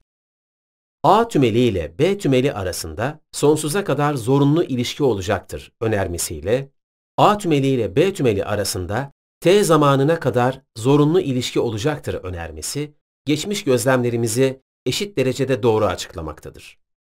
Ancak ikinci önerme doğruysa bu temellerin tarif ettiği yasa evrensel değildir. Gelecekte bir T zamanında bu yasa geçersiz olacaktır. Naturalist bakış açısında birinci önermeyi ikinci önermeye tercih etmek için hiçbir gerekçe yoktur. Daha da kötüsü, T zamanı sonsuz sayıda farklı sayısal değer alabileceği ve naturalistin ilk önermeyi ikincinin herhangi bir alt kümesine, mesela T eşittir 10 milenyum sonra, tercih etmek için hiçbir sebep sunamamasından ötürü, ikinci önerme ilk önerme ile kıyasla sonsuz defa daha olasıdır. Dolayısıyla böylesi bir naturalizm bakış açısı altında doğa yasalarının evrensel olmasının beklentisi rasyonel bir zemin bulamaz. Tersine doğa yasalarının ileride bir gün geçersiz olmasının beklentisinin daha yüksek olmasının gerektiği bile söylenebilir. Sonuç olarak naturalist ister doğa yasalarını düzenliliklerin bir tasviri olarak görsün, isterse onları tümeller arası zorunlu ilişkiler olarak görsün, yasaların evrensel olmasını beklemesi için hiçbir rasyonel nedeni yoktur. Diğer taraftan evrenin tek ve mükemmel bir yaratıcısı ve tasarlayıcısı olduğunu söyleyen teizm açısından, evrensel yasalar olması beklendik bir durumdur. Teist bakış açısında evren mükemmel bir yaratıcı olan Allah tarafından yaratılmıştır ve gene bu yaratıcı tarafından muhafaza edilmektedir. Allah mükemmel olduğu için doğasında bir değişim söz konusu değildir. Dolayısıyla doğası değişmeyen Allah tarafından tasarlanmış ve muhafaza edilen yasaların zaman ve mekanda değişmez olması beklendik bir durumdur. Teizmin bakış açısında doğa yasalarının evrensel olmasını beklememizin bir diğer sebebi de Allah'ın birliğine ve bütün varlığın Rabbi olduğuna inançtır. Kur'an metninde bu vurgu çok ön plana çıkmaktadır. Allah'ın bütün zaman dilimlerini ve bütün mekanları içerecek şekilde varlığın Rabbi olması, aynı yasaların farklı zaman dilimlerinde ve farklı mekanlarda geçerli olmasına rasyonel zemin sunar. Tarih boyunca tek tanrılı dinlere muhalif bir pozisyonda olan çok tanrıcı bakış açısına göre, farklı olguların ya da bölgelerin farklı farklı ilahları vardır. Dolayısıyla her bölgenin yasası olması mümkün olsa da bu yasaların evrensel olmaması beklenecek durumdur. Çok tanrıcı anlayış içerisinde doğa yasalarının bölgeden bölgeye ya da olgudan olguya değişmesi beklenmelidir. Çok tanrıcı anlayışta ilahlar birbirleriyle savaş halindedirler. Dolayısıyla belli olgulara ya da bölgelere hakim olan ilahlar zaman zaman o bölgelerdeki hakimiyetlerini kaybetmektedirler. Bu kayıplar beraberinde bu olgulara ya da bölgelere hükmeden yasaların değişmesine yol açacaktır. Dolayısıyla çok tanrıcı bakış açısında yasaların zamandan bağımsız olduğunu bile iddia etmek mümkün değildir. Diğer taraftan tevhid inancına göre evreni yaratan, yasalarını belirleyen, muhafaza eden, evrenin her noktasına hakim tek bir varlık vardır. Evrenin tek bir mutlak hakimi olduğu inancı, doğa yasalarının evrensel olması gerektiği inancını desteklemektedir. Kur'an'ın şu ayeti Allah dışında ilah kabul edildiğinde ortaya çıkacak kargaşaya dikkat çekmektedir.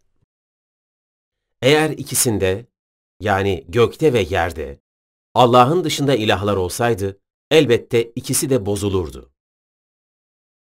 Enbiya suresi 22. ayet Nobel ödüllü biyokimyacı Mervyn Kelvin'e göre, tek tanrıcı görüşlerin çok tanrıcı yaklaşımlardan farklı şekilde evrende birliği öngören böylece yasaların evrenselliğini kabul etmeye yol açan yaklaşımı, modern bilimin temellerini oluşturmuştur. Kur'an'ın ortaya koyduğu teizmin paradigması içerisinde doğa yasalarının evrensel olması gerektiği beklentisini oluşturan diğer bir neden, yukarıdaki birinci maddede dikkat çektiğimiz gibi bu dünyanın bir imtihan alanı olmasıdır. Yukarıda belirttiğimiz gibi imtihanın adil ve anlamlı olabilmesi için kişilerin davranışlarının sonuçlarını öngörebilmeleri gerekmektedir. Böyle bir şey de ancak doğa yasaları evrenselse gerçekleşebilir. Mesela yaşlı bir adama yardım etmek gayesiyle su verildiğini düşünelim. Eğer biyokimya yasaları bir anda değişir ve su zehirli hale gelirse, yardım amacıyla yapılan bu davranış kişinin ölümüyle sonuçlanır. Böyle bir evrende kişilerin davranışlarının sonuçlarını bilemeyeceklerinden dolayı imtihan anlamını kaybedecektir. Dolayısıyla Kur'an'ın anlattığı şekilde bir imtihan dünyasında olmamız, bilim yaparken zihinlerde mevcut bir ön kabul olan doğa yasalarının evrensel olmasını gerektirmektedir. Diğer yandan ne naturalist felsefede ne de çok tanrılı dinlerde bu ön kabulü destekleyecek bir unsur mevcuttur. Özellikle Kur'an'ın en önemli mesajı olan Allah'ın birliği ve Kur'an'ın ortaya koyduğu paradigmanın en önemli unsurlarından biri olan imtihan dünyasında olmamız, doğa yasalarının evrensel olduğuyla ilgili ön kabulü desteklemektedir. Bir ön kabulü destekleyen bir varlık anlayışını ve hayat görüşünü benimsemeden de bu ön kabule sahip birçok bilim insanı vardır. Ama Kur'an'ın ortaya koyduğu varlık anlayışının ve paradigmanın bunu desteklediğini ve rasyonel zemin sunduğunu tespit etmemiz önemlidir. Çünkü buradaki iddiamız Kur'an'ın inşa ettiği zihin yapısının bilimsel faaliyeti desteklediğidir. Yukarıda belirttiğimiz gibi imtihanın adil ve anlamlı olabilmesi için kişilerin davranışlarının sonuçlarını öngörebilmeleri gerekmektedir. Böyle bir şey de ancak doğa yasaları evrenselse gerçekleşebilir. Mesela yaşlı bir adama yardım etmek gayesiyle su verildiğini düşünelim. Eğer biyokimya yasaları bir anda değişir ve su zehirli hale gelirse, yardım amacıyla yapılan bu davranış kişinin ölümüyle sonuçlanır. Böyle bir evrende kişilerin davranışlarının sonuçlarını bilemeyeceklerinden dolayı imtihan anlamını kaybedecektir. Dolayısıyla Kur'an'ın anlattığı şekilde bir imtihan dünyasında olmamız, bilim yaparken zihinlerde mevcut bir ön kabul olan doğa yasalarının evrensel olmasını gerektirmektedir. Diğer yandan ne naturalist felsefede ne de çok tanrılı dinlerde bu ön kabulü destekleyecek bir unsur mevcuttur. Özellikle Kur'an'ın en önemli mesajı olan Allah'ın birliği ve Kur'an'ın ortaya koyduğu paradigmanın en önemli unsurlarından biri olan imtihan dünyasında olmamız, doğa yasalarının evrensel olduğuyla ilgili ön kabulü desteklemektedir. Bir ön kabulü destekleyen bir varlık anlayışını ve hayat görüşünü benimsemeden de bu ön kabule sahip birçok bilim insanı vardır. Ama Kur'an'ın ortaya koyduğu varlık anlayışının ve paradigmanın bunu desteklediğini ve rasyonel zemin sunduğunu tespit etmemiz önemlidir. Çünkü buradaki iddiamız Kur'an'ın inşa ettiği zihin yapısının bilimsel faaliyeti desteklediğidir. Desteklediğini ve rasyonel zemin sunduğunu tespit etmemiz önemlidir. Çünkü buradaki iddiamız Kur'an'ın inşa ettiği zihin yapısının bilimsel faaliyeti desteklediğidir. desteklediğidir. 5. Evreni incelemek değerlidir. Evreni incelemenin değerli olduğu, bu faaliyetin vakit ve kaynak ayırmaya değer olduğu, bilimsel faaliyeti destekleyen diğer önemli bir ön kabuldür. Eğer evrenin incelenmesi değerli kabul edilmezse, bu, bilimsel faaliyete girişilmesi önünde ciddi bir engel oluşturur. Günümüzde bilimin teknoloji üretmede ve dolayısıyla hayatı kolaylaştırmadaki rolü çok iyi bir şekilde gözlemlendiği ve bilimselliğe değer veren bir kültürel yapı küresel ölçekte yaygınlaştığı ve siyasi yapılarca da bilimsel faaliyetler desteklendiği için evrenin incelenmesinin gerekli olduğu, bu bilim yapmanın gerekli olduğu anlamını taşımaktadır. Benimsenmesi kolay bir ön kabul gibi gözükebilir. Ancak insanlık tarihine baktığımız zaman bunun böyle olmadığı rahatlıkla görülecektir. Tarihsel süreçte ortaya çıkan birçok kültürde pratik ihtiyaçların karşılanmasının sağlanması dışında evreni incelemek için ciddi bir teşvik ve kaynak aktarma gerçekleşmemiştir. İnsanın içinden gelen öğrenme arzusu evrenin incelenmesini destekliyor olsa da içten gelen bu arzu evreni incelemenin neden değerli olduğunu göstermek için rasyonel temel sunmaz. Her dinsel veya felsefi görüşün bilimsel aktiviteyi desteklemediğine dikkat edilmelidir. Örneğin evreni, maddeyi kötü bir varlık olarak sunan dini veya felsefi bir görüş açısından evreni inceleme faaliyetinin değerli bir faaliyet olarak kabul edilmesi zordur. Dünya tarihinde gözüken kimi dini ve felsefi görüşler, bu evrenin ham maddesini oluşturan maddeyi kötü bir varlık olarak niteleyerek, bilim yapılmasını destekleyen, bahsedilen ön kabule aykırı şekilde zihinleri inşa etmişlerdir. Fakat Kur'an metninde evrenin maddenin kötü olduğunu düşündürecek hiçbir ifade olmadığı ve evrenin maddenin yaratıcısı Allah iyi bir varlık olarak tanıtıldığı, bu yaratıcının yarattığı evreni, maddeyi incelemek değerli sonuçlara ulaştıran bir faaliyet olarak teşvik edildiği için, bu yaklaşım evreni, maddeyi incelemenin değerli olduğunu destekler. Dünya nüfusunun önemli bir bölümünde etkisi bulunan uzak doğu dinlerini ele alalım. Bunların büyük çoğunluğu dış dünyanın, yani evrenin nesnel bir varlık olmadığını, evrenin bir illüzyon olduğunu iddia ederler. Teizmin içindeki kimi yaklaşımlarda da örneğin bazı sufi ekollerde de benzer görüşler savunulmuştur. Nesnel olmayan bir varlık ya da yanılsama içinse kaynak ve vakit ayırmak, onu incelemeyi değerli bulmak makul değildir. Dolayısıyla uzak doğu dinlerinin büyük çoğunluğunun inşa ettiği zihin, bilimsel faaliyetin gerçekleşmesi için önemli olan evreni incelemenin değerli olduğu ön kabulüyle çelişmektedir. Fakat Kur'an'da evrenin ve yeryüzünün gerçek yani hak olarak yaratıldığı söylenerek evreni objektif bir varlık olarak görmeyen, illüzyon olarak gören yaklaşımlara karşı çıkılır. Şu Kur'an ayeti bu konuda bir örnektir. Allah evreni ve yeryüzünü gerçek olarak yarattı. Bunda inananlar için delil vardır. Ankebut Suresi 44. Ayet Ayrıca dikkat edilmesi gerekli diğer bir husus, değerlerin objektif varlığını reddedenlerin bilimsel faaliyeti bir değer atfetmesinde tutarsızlık olduğudur. Evreni incelemenin değerli olduğunu söylemek, bu faaliyeti bir değer atfetmek demektir. Naturalizme göre uzay, zaman ve madde dışında bir varlık yoktur. Var olan bütün yasalar olgusaldır. Bütün yasalar sadece olgusal olduğu için Hume'un olgusal önermelerden sadece olgusal önermeler çıkarsanabilir ilkesi gereği, naturalizmdeki bütün nesnel doğru önermeler sadece olgusal olmak zorundadır. Dolayısıyla naturalizme göre değer önermelerinin rasyonel bir temeli yoktur. Bir naturalist nesnel bir ahlak ya da estetik tanımlayamayacağı gibi herhangi bir faaliyetin değerli olduğunu da temellendiremez. Buysa evreni inceleme faaliyetine bir naturalistin değer atfedemeyeceği anlamını taşımaktadır. Ünlü ateist bilim insanı Dawkins şöyle demektedir. Gözlediğimiz evren temelinde tasarım olmayan, amaç olmayan, iyi ve kötü olmayan, kör, acımasız bir umursamazlık dışında hiçbir şey olmayan bir evrenden beklediğimiz tüm özelliklere sahiptir. Bu durumun bir sonucu olarak naturalist felsefeye göre evreni incelemenin değerli bir faaliyet olduğu iddia edilemez. Birçok naturalist bu duruma aykırı hareket ederek, yani bilimsel çalışmanın ve bilim insanının değerli olduğunu iddia ederek kendi varlık anlayışlarıyla uyumsuz bir pozisyonda bulunmaktadırlar. Naturalist bakış açısında organize bir suç örgütünün yaptığı faaliyetlerle bilim insanlarının yaptığı faaliyetler arasında nesnel bir fark gösterilemez.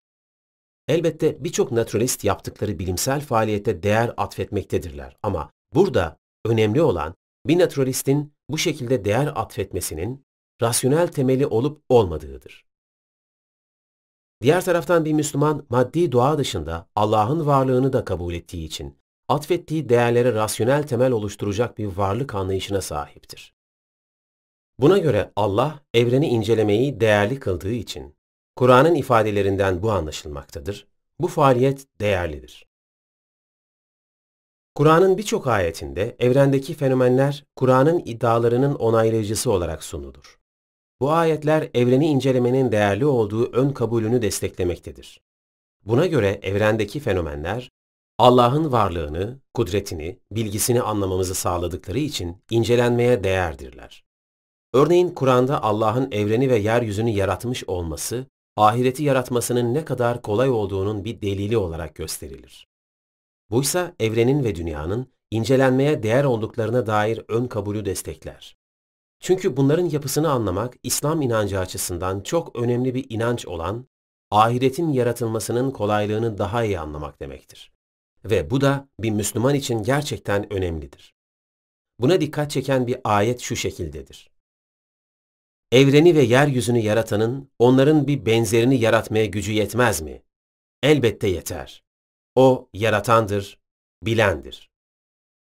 Yasin Suresi 81. Ayet Daha önceden dikkat çekilen ön kabullerin hepsine sahip olup evrenin anlaşılır olduğunu, zihnin evreni anlayabileceğini, evrenin keşfedilmeye açık olduğunu, doğa yasalarının evrensel olduğunu kabul ettiğinizi ama evrendeki fenomenlerin incelemeye değer olmadıkları şeklinde bir ön kabule sahip olduğunuzu hayal edin.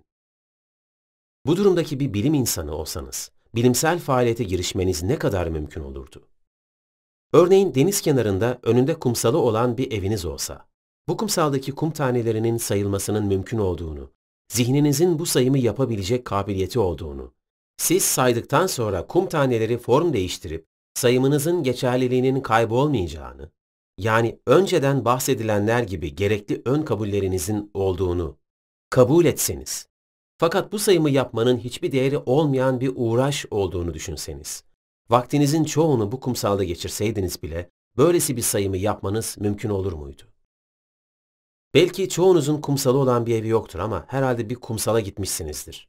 Bu kumsala gittiğinizde kumsaldaki kum tanelerini saymamızın veya hiçbir zaman saymaya kalkışmayacak olmamızın nedeninin bu sayımın yapılmaya değer olmadığına dair ön kabulünüz olduğunu söyleyemez miyiz?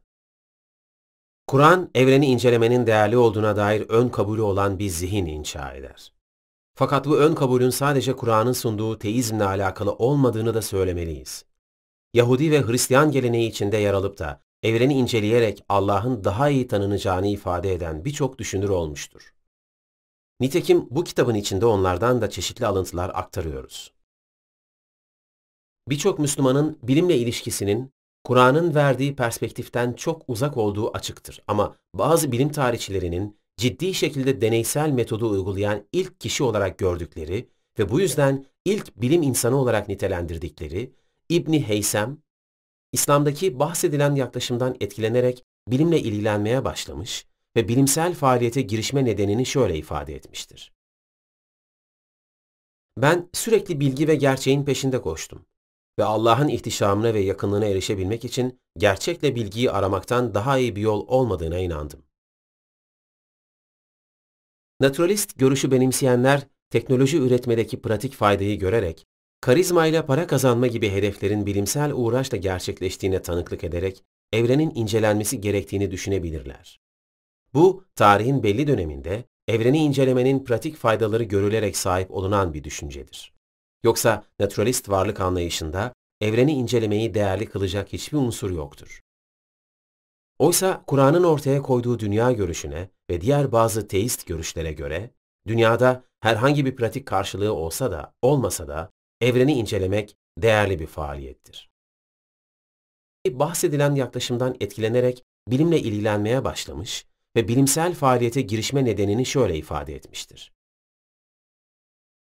Ben sürekli bilgi ve gerçeğin peşinde koştum ve Allah'ın ihtişamına ve yakınlığına erişebilmek için gerçekle bilgiyi aramaktan daha iyi bir yol olmadığına inandım.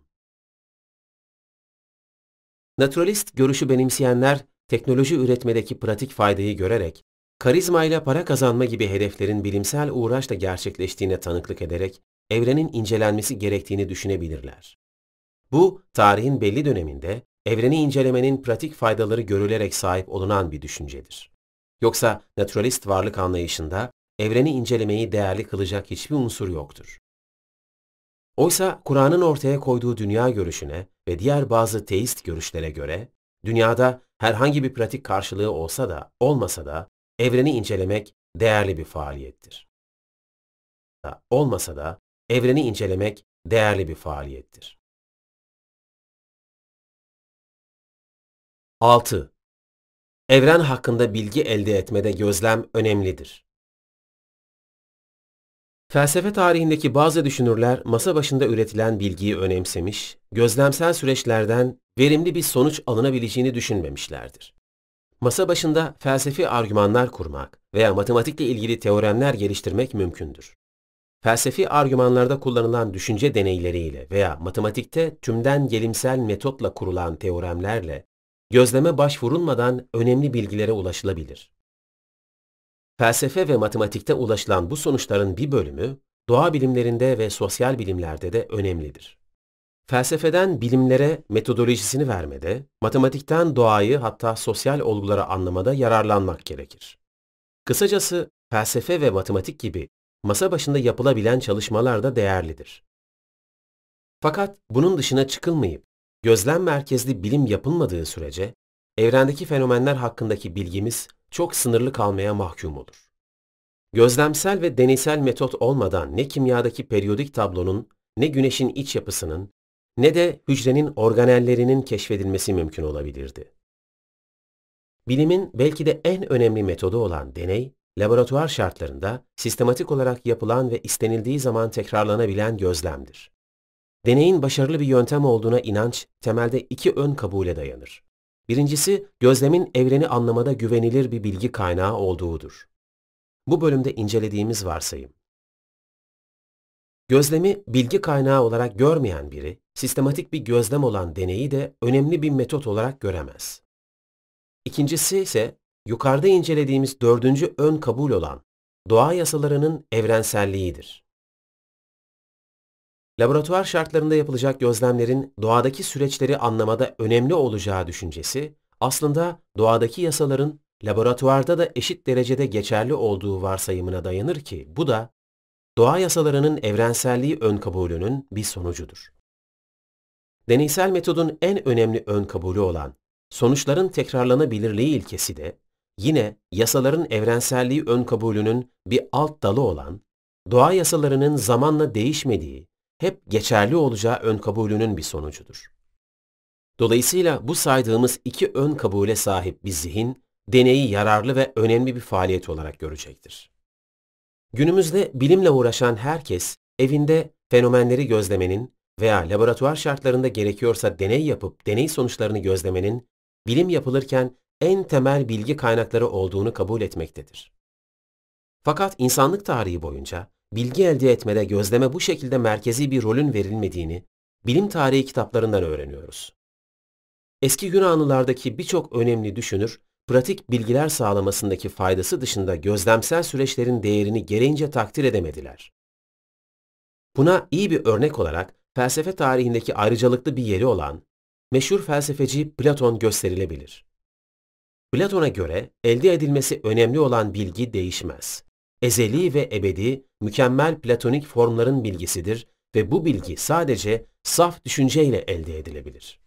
Gözlem bu konuda bize yardımcı olamaz. Tam tersine bizi yanıltabilir. Aristoteles formları maddeye indirgeyerek gözlem yapılmasını Platon'a göre daha çok destekleyen bir felsefi yaklaşım geliştirmiştir. Ama onun geliştirdiği bilgi kuramında bilim hala mantıken zorunlu bilgilerin peşindedir. Bilimsel faaliyet sürecinde gözlemle ulaşılan bilgiler mantığın yasaları gibi mantıken zorunlu kategorisinde değildir. Aristoteles'e göre bilginin amacı maddeye giydirilmiş ebedi formları anlamaktır. Siz bir kere bir cismin özünü rasyonel düşünceyle anladınız mı, o cisimle alakalı bütün bilgileri tümden gelimsel yöntemlerle çıkarsayabilirsiniz. Bu anlayışta gözlem her ne kadar cisimlerin özünü anlamada yardımcı olsa da, bu öz saf düşünceyle de anlaşılabilir. Bu yaklaşımda da gözlem modern bilimde sahip olduğu gibi merkezi bir konumda değildir. Başka medeniyetler incelendiğinde de yükselen suların zararlarından korunmak, tarımda veya hayvancılıkta kullanılmak kastıyla evrendeki fenomenlerin gözlendiği örneklere rastlayabiliriz. Fakat doğa hakkında bilgi elde etmeyi pratik faydaların dışında önemseyerek, dış dünyanın gözlemlenmesi gerektiği şeklinde bir zihni yapıdan geçmiş medeniyetlerin büyük bir kısmının uzak olduğunu rahatlıkla söyleyebiliriz. Masa başında düşünerek varlık hakkında gerekli tüm bilgilerin elde edilebileceğini zannetmenin yanında, bazı şahısların her meseleyi çözdüğünü düşünüp, bu şahısların görüşlerine başvurarak evrendeki fenomenler hakkında her şeyi öğrenebileceğini zannetme de gözlemsel bilimin düşmanıdır. Nitekim İbni Heysem de bu duruma dikkat çekmiştir. Gerçeği arayan kişi eskilerin yazdıklarını araştırarak ve doğal eğilimini takip ederek onlara güvenen kişi değildir. Tam aksine onlara kuşkuyla yaklaşan, onlardan topladığı bilgileri sorgulayan, türlü türlü kusur ve eksikliklerle dolu yapıya sahip insanların sözleri yerine argümanlara ve kanıtlara boyun eğen kişidir. Bu konuyla ilgili anlatılan meşhur bir hikaye, böylesi bir zihniyetin yaygın olduğu dönemler hakkında bize bilgi vermektedir. Bu hikayeye göre atın kaç dişi olduğunu soran birine cevap olarak Aristoteles'in kitabını açıp da bakalım denmiştir. Bu hikaye gerçek olmayabilir ama her halükarda uzun bir zaman dilimindeki zihniyeti aktarması açısından önemlidir. Batı dünyasında 17. yüzyılda bilimsel devrimin yapılmasında Aristoteles'in gözleme merkezi yer verilmesini önleyecek şekilde yerleşmiş otoritesinden kurtulma, bilim tarihi kitaplarında önemli bir etken olarak sunulmaktadır. Kur'an'ın evreni gözlemeye yönlendiren ifadelerinin değerini anlamak için bu olguyu göz önünde bulundurmalıyız. Kur'an'ın iddiasına göre bütün varlıkların çok üzerinde olan Allah'tan gelen bir kitap olan Kur'an, tüm kitaplar ve kişiler üstü bir otoriteye sahiptir. Oysa Kur'an'da Allah tarafından vahyedilme iddiası olmasına rağmen, bu kitaptan evrenle ilgili her şeyi öğrenin denmemiş. Bu kitabın inananları evren üzerine gözlem yapıp sonuçlar çıkarmaya davet edilmişlerdir. Kur'an kendisine güvenen bir üslupla bu gözlemleri kendi otoritesini tehdit görmemiş. Tam tersine aklı çalıştırmayla ve gözlemle bilgi elde etmeyle ulaşılan sonuçları kendi iddialarını tasdikleyen aracılar olarak takdim etmiştir. Evrendeki fenomenleri gözleyerek sonuçları çıkarmaya davet eden ayetlere şu iki ayet örnektir. De ki, yeryüzünü gezip dolaşın da yaratılışın nasıl başladığını görün. Ankebut suresi 20. ayet. Evrende ve yeryüzünde nice deliller vardır. Ama bunlar yanından yüz çevirip geçmektedirler. Yusuf suresi 105. ayet. Bu ayetlerden ilkinde dünyanın içindeki fenomenlerin incelenmesi suretiyle yaratılış hakkında bilgi edinmeye davet varken, İkincisinde yeryüzündeki delilleri incelemeyenler eleştirilmektedir. Bunları ve benzeri ayetleri okuyan bir kişi, Kur'an'ı okuyup da evrendeki süreçlerle ilgili her detayı öğreneceğini değil, fakat evrendeki fenomenleri gözleyerek ve inceleyerek elde edeceği bilgilerden faydalanacağını anlar. Kısacası Kur'an, kendinden önceki mitolojiyle ve gelenekle yoğrulmuş zihinleri bunların otoritesinden kurtarırken, evrendeki olguları gözlemlemeyi değerli bulacak şekilde zihinleri inşa eder. Buysa evren hakkında bilgi elde etmede gözlem önemlidir gibi bilim açısından değerli bir ön kabulün oluşumunu desteklemektedir.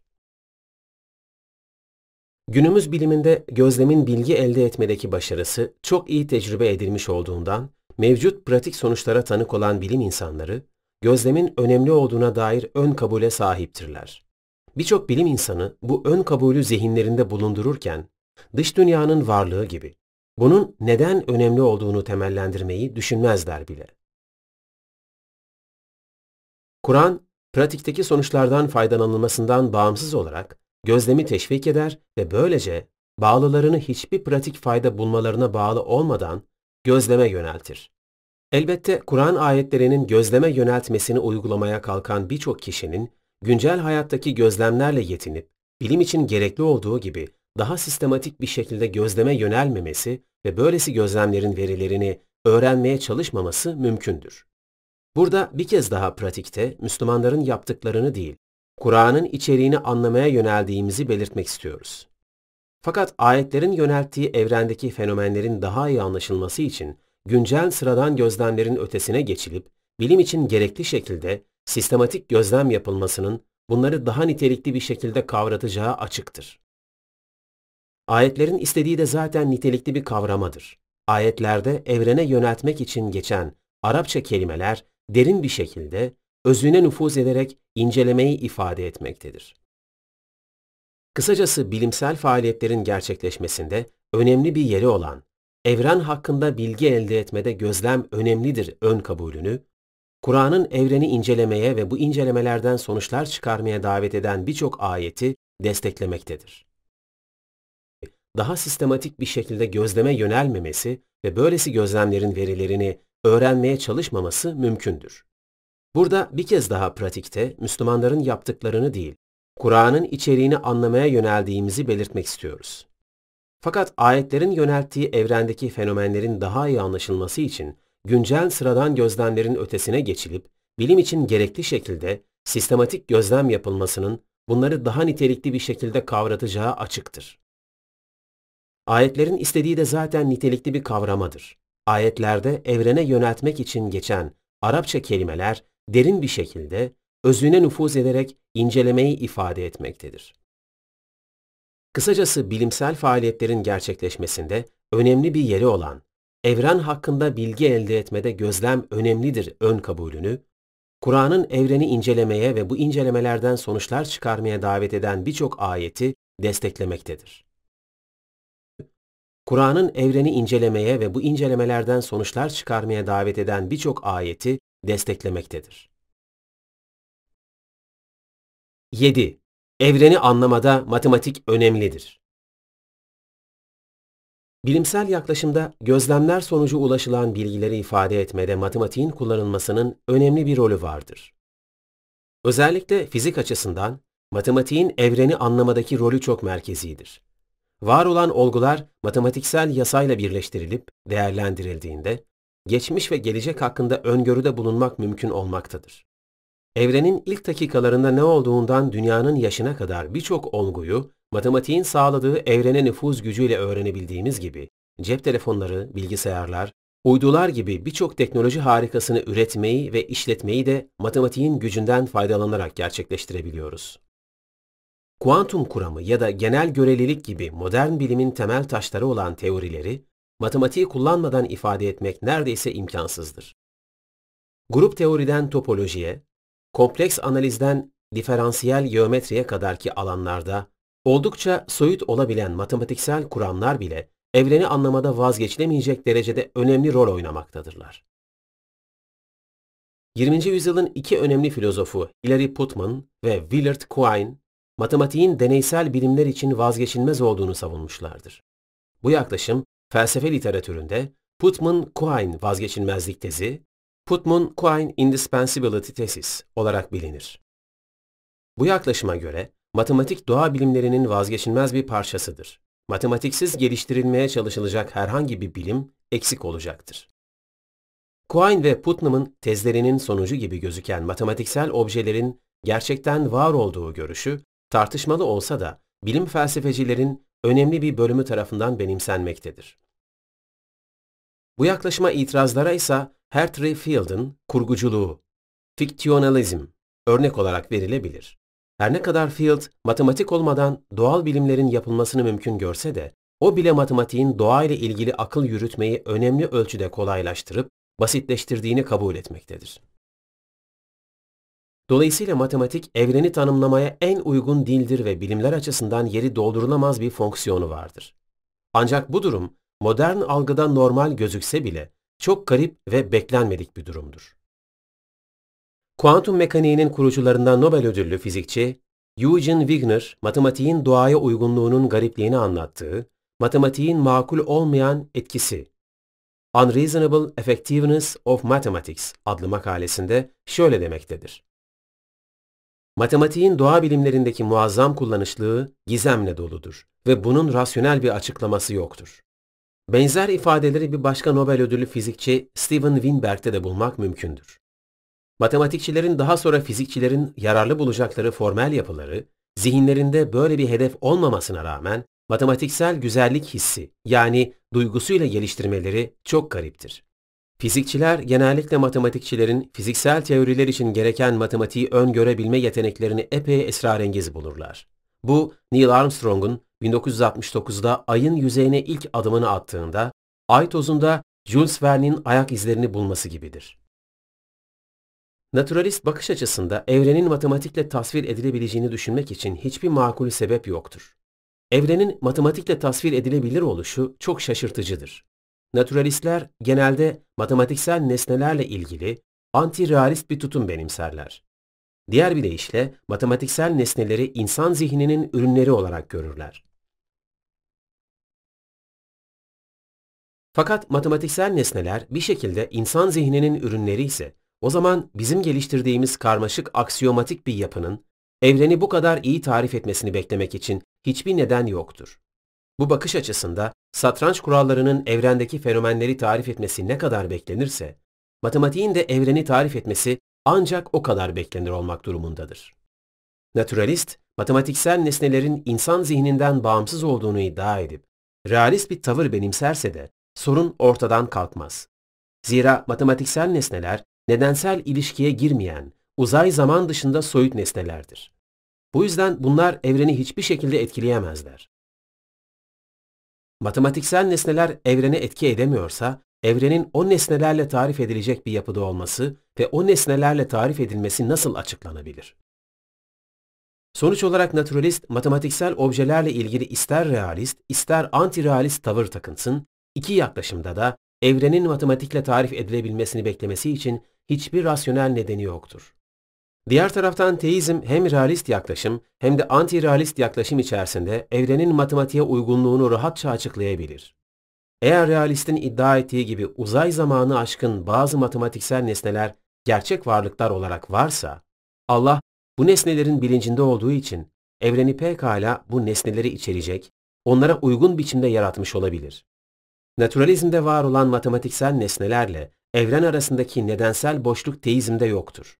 Matematik insan zihninin bir icadı olarak görülürse, teizm açısından yine evrenin matematikle açıklanmaya uygun yapıda olmasında bir sorun yoktur. Önceki bölümlerde gördüğümüz gibi teizmin bakış açısı altındaki temel beklenti, evrenin anlaşılır bir yapıda olması ve insan zihniyle uyumlu bir yapıya sahip olmasıdır. Eğer insan zihni matematiği üretmeye kadirse, matematik insanın düşünmesinde verimli bir aracıysa, o zaman evrenin de anlaşılır ve insan zihniyle uyumlu olması için matematiğe uygun bir şekilde yaratılmış olması beklendik bir durumdur. Naturalizme göre evren insan zihninin bir yaratması olmadığı için insan zihninin bir icadının yani matematiğin evrene böylesi bir şekilde uymasının açıklaması yokken teizme göre evreni Allah yarattığı için bu uygunluğu açıklamada bir sorun yoktur. Dolayısıyla teizm açısından matematiksel nesnelerle ilgili anti-realist bir pozisyon savunulduğunda da evrenin matematikle tarif edilmeye uygun bir yapıda olmasında bir sorun yoktur. Nitekim 20. yüzyılın en sofistike ateisti olarak gösterilmiş olan Anthony Flew, doğanın matematiğe uygun yapıda olmasını, ateizmi terk edip Allah'ın varlığına inanmaya başlamasının sebepleri arasında saymıştır. 17. yüzyıl bilimsel devriminin en önemli isimleri Descartes, Kepler, Galilei, Leibniz, Newton gibi isimler, matematiği Allah'ın evreni yazdığı dil olarak görerek bu konudaki yaklaşımlarını sergilemişlerdir. Günümüzde hemen her bilim insanı bilimsel faaliyete girişirken evrendeki fenomenleri anlamada matematiğin önemli olduğuna dair ön kabulü zihninin bir kenarında bulundurur. Bununla ilgili demin bahsettiğimiz kökenle ilgili meselelerin üzerinde çoğu hiç düşünmemiş olsa da. Özellikle son birkaç asırda matematiğin kullanılmasıyla elde edilen başarılı sonuçlar o kadar çok gözlenmiştir ki bu ön kabul birçok bilim insanı için tartışılmazdır. Evreni anlamada matematiğin bu kadar önemli bir rolü olabileceğini, insanlık tarihinin birçok dönemindeki birçok medeniyet takdir edememiştir. Diğer taraftan Kur'an metniyle zihni şekillenen biri açısından evrenin matematiksel yapıda olması hiç de şaşırtıcı değildir. Zira Kur'an'ın içinde matematikle doğa arasında ilişki kurduran ayetler mevcuttur. Şu ayetler bu konuda örnektir. Güneş ve ay bir hesaba bağlıdır. Rahman Suresi 5. Ayet Allah onların yaptıklarını tümüyle kuşatmıştır ve her şeyi sayıyla tespit etmiştir. Cin Suresi 28. Ayet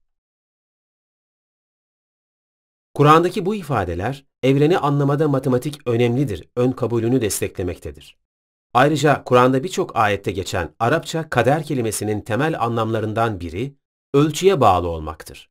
Ölçü, yani kader kelimesinin geçtiği ayetlere şu iki ayet örnektir. Gerçekten de her şeyi bir ölçüyle yarattık.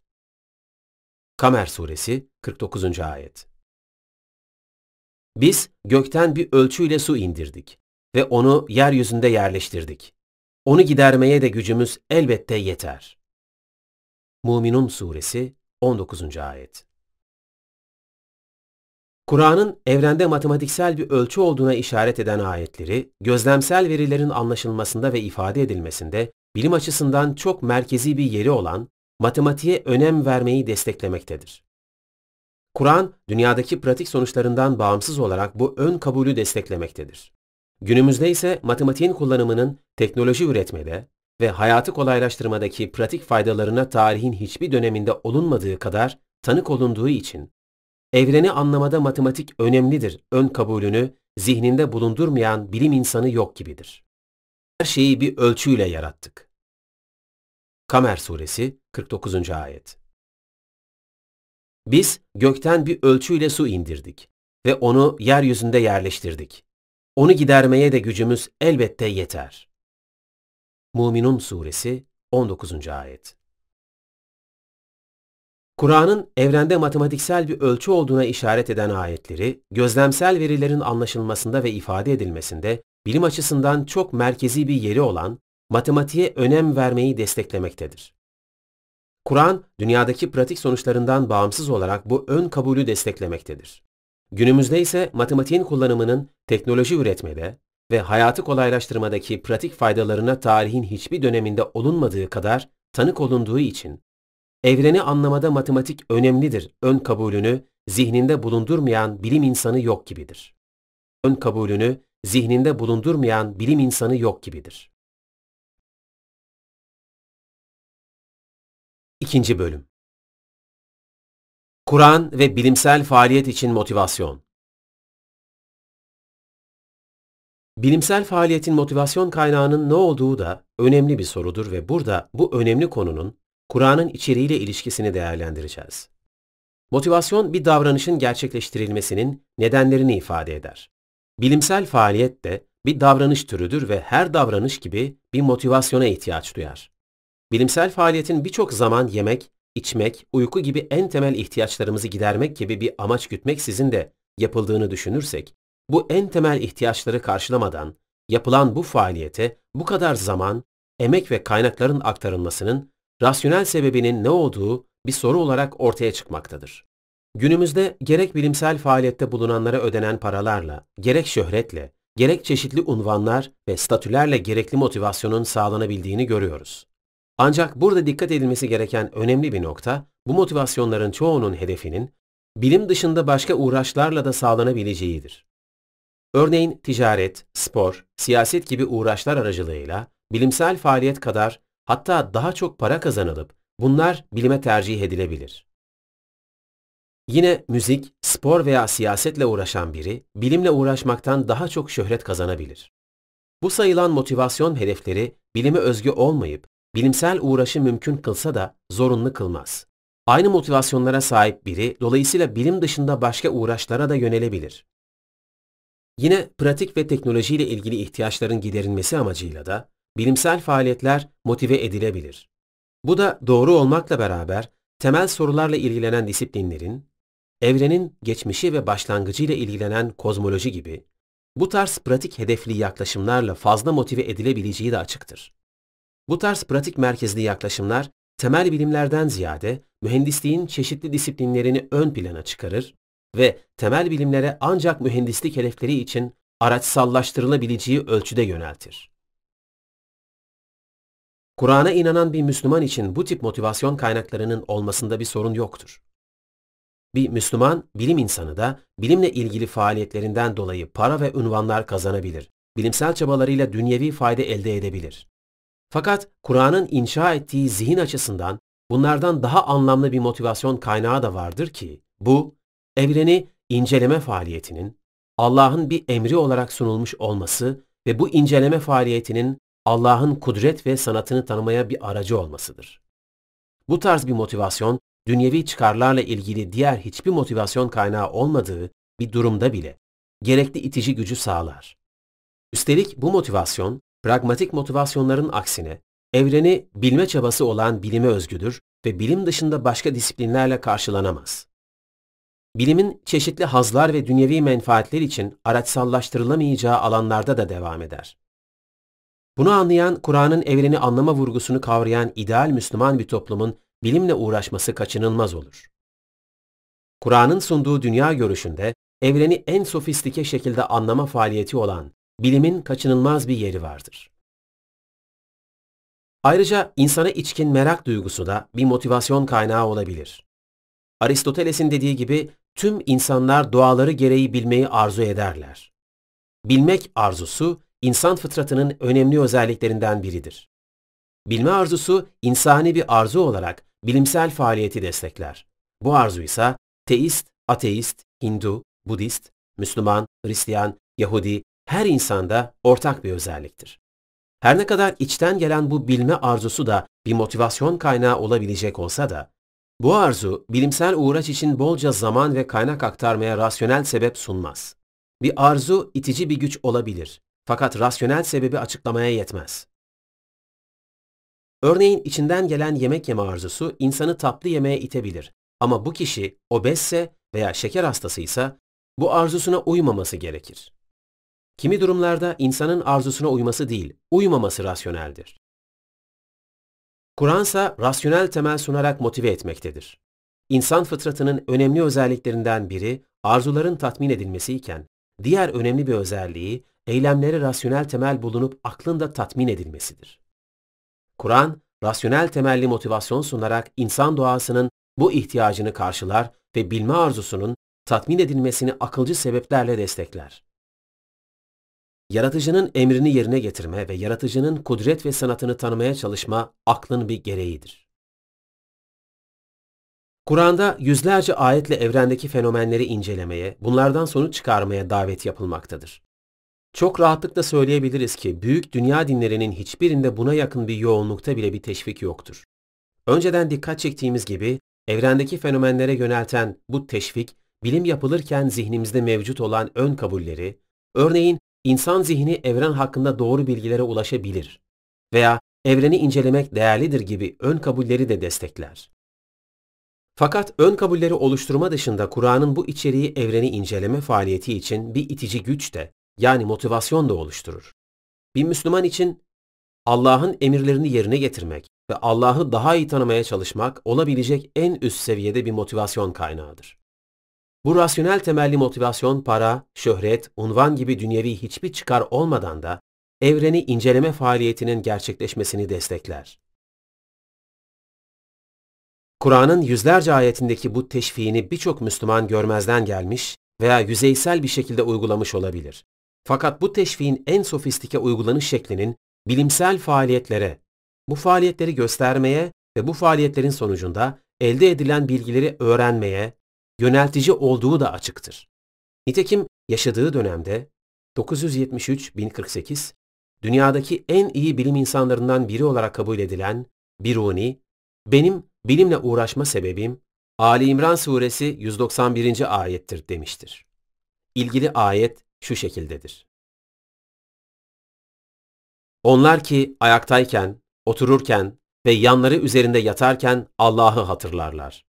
Göklerin ve yerin yaratılışı konusunda derinlemesine düşünürler.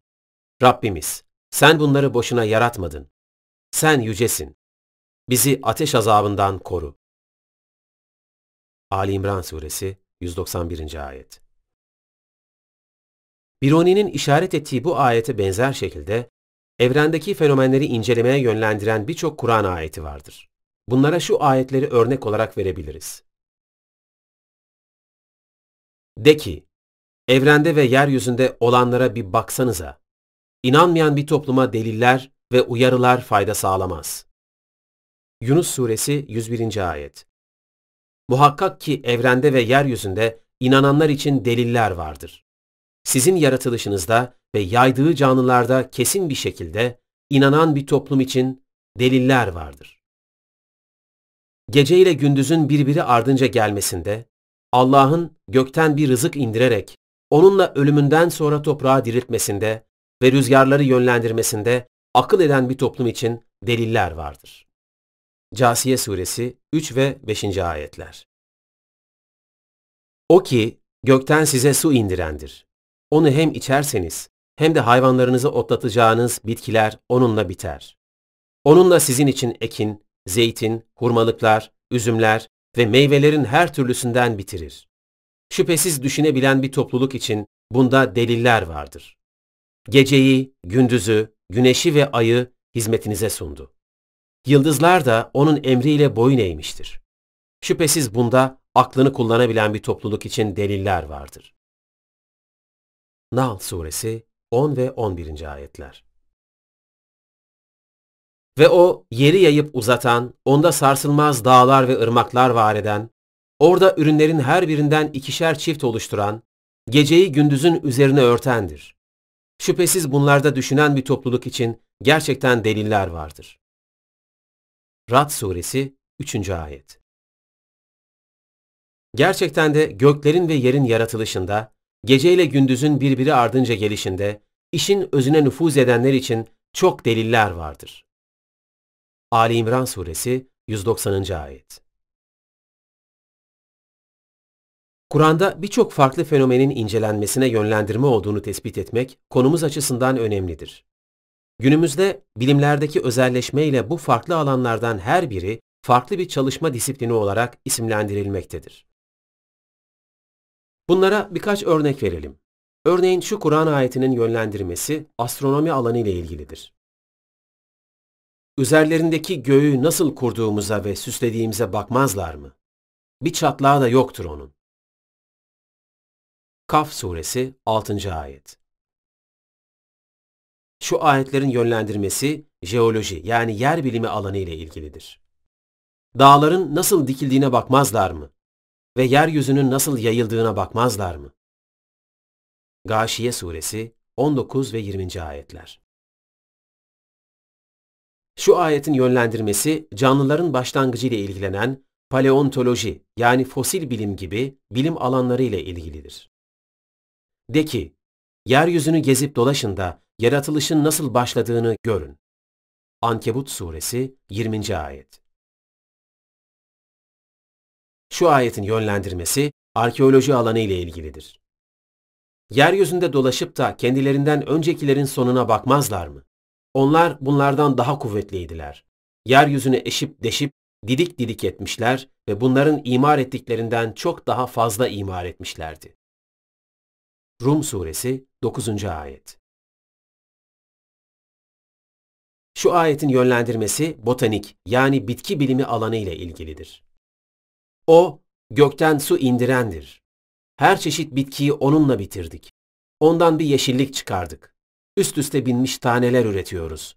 Ve hurmanın tomurcuğundan sarkan salkımlar bir kısmı birbirine benzeyen, bir kısmı da benzemeyen üzüm bağları, zeytin ve nar bahçeleri meydana getirdik. Meyve verirken ve olgunlaştığı zaman her birinin meyvesine bakın. Kuşkusuz bütün bunlarda inanan bir toplum için deliller vardır. Enam suresi 99. ayet. Şu ayetin yönlendirmesi zooloji yani hayvan bilimi alanı ile ilgilidir. Muhakkak hayvanlardan alacağınız ibretler vardır. Nahl suresi 66. ayet. Şu ayetin yönlendirmesi embriyoloji alanı ile ilgilidir. Ey insanlar! Eğer dirilişten şüpheleniyorsanız, gerçekten de sizi topraktan yarattık. Sonra bir damla sudan, sonra asılıp tutunan bir şeyden, sonra yaratılış biçimi belli belirsiz bir çiğnem et parçasından. Size apaçık gösterelim diye. Dilediğimizi belirli bir süreye kadar rahimlerde tutuyoruz. Sonra sizi bebek olarak çıkarıyoruz. Sonra da güçlü çağınıza eriştiriyoruz. Haç suresi 5. ayet. Kur'an'da bunlara benzer birçok ayet evrendeki fenomenleri incelemeye ve bunlardan sonuçlar çıkarmaya yönlendirirken, bu ayetleri birçok kişinin manasını düşünmeden ve hayata geçirmeye çalışmadan okuması hepimizin tanık olduğu bir olgudur. Kur'an tartışmasız bir şekilde dünyanın en çok okunan ve ezberlenen kitabıdır. Fakat Kur'an'ın anlamı üzerine derin düşünmenin bu yoğun okuma ve ezberleme faaliyetinden çok uzak olduğunu gözlemliyoruz. Oysa Kur'an, evren üzerinde olduğu gibi kendi üzerinde de derin düşünülmesini telkin etmektedir. Bu mübarek kitabı sana, işin özüne nüfuz edenler ayetlerini derinlemesine düşünsünler ve öğüt alsınlar diye indirdik. Sad Suresi 29. Ayet Kur'an'ın anlamına nüfuz etmeye ve emirlerini hayata geçirmeye çalışmaktan ziyade, anlamadan seslendirenler, Kur'an'ın evrendeki olguları incelemeye yönlendiren yüzlerce ayetini gereğince takdir edememişlerdir. Müslümanların Kur'an'ın söz konusu ayetlerinin gereğini yerine getirmemelerini ve bilimden uzak kalmalarını sıkça eleştiren, Nobel ödüllü fizikçi Abdus Salam, elektromanyetik kuvvetle zayıf nükleer kuvveti birleştirerek 1979 yılında Nobel ödülünü aldı. Şöyle demektedir. Kur'an, alimlerin yani bilgi sahiplerinin ve kavrama yeteneğine sahip olanların üstünlüğüne vurgu yapar ve şöyle sorar.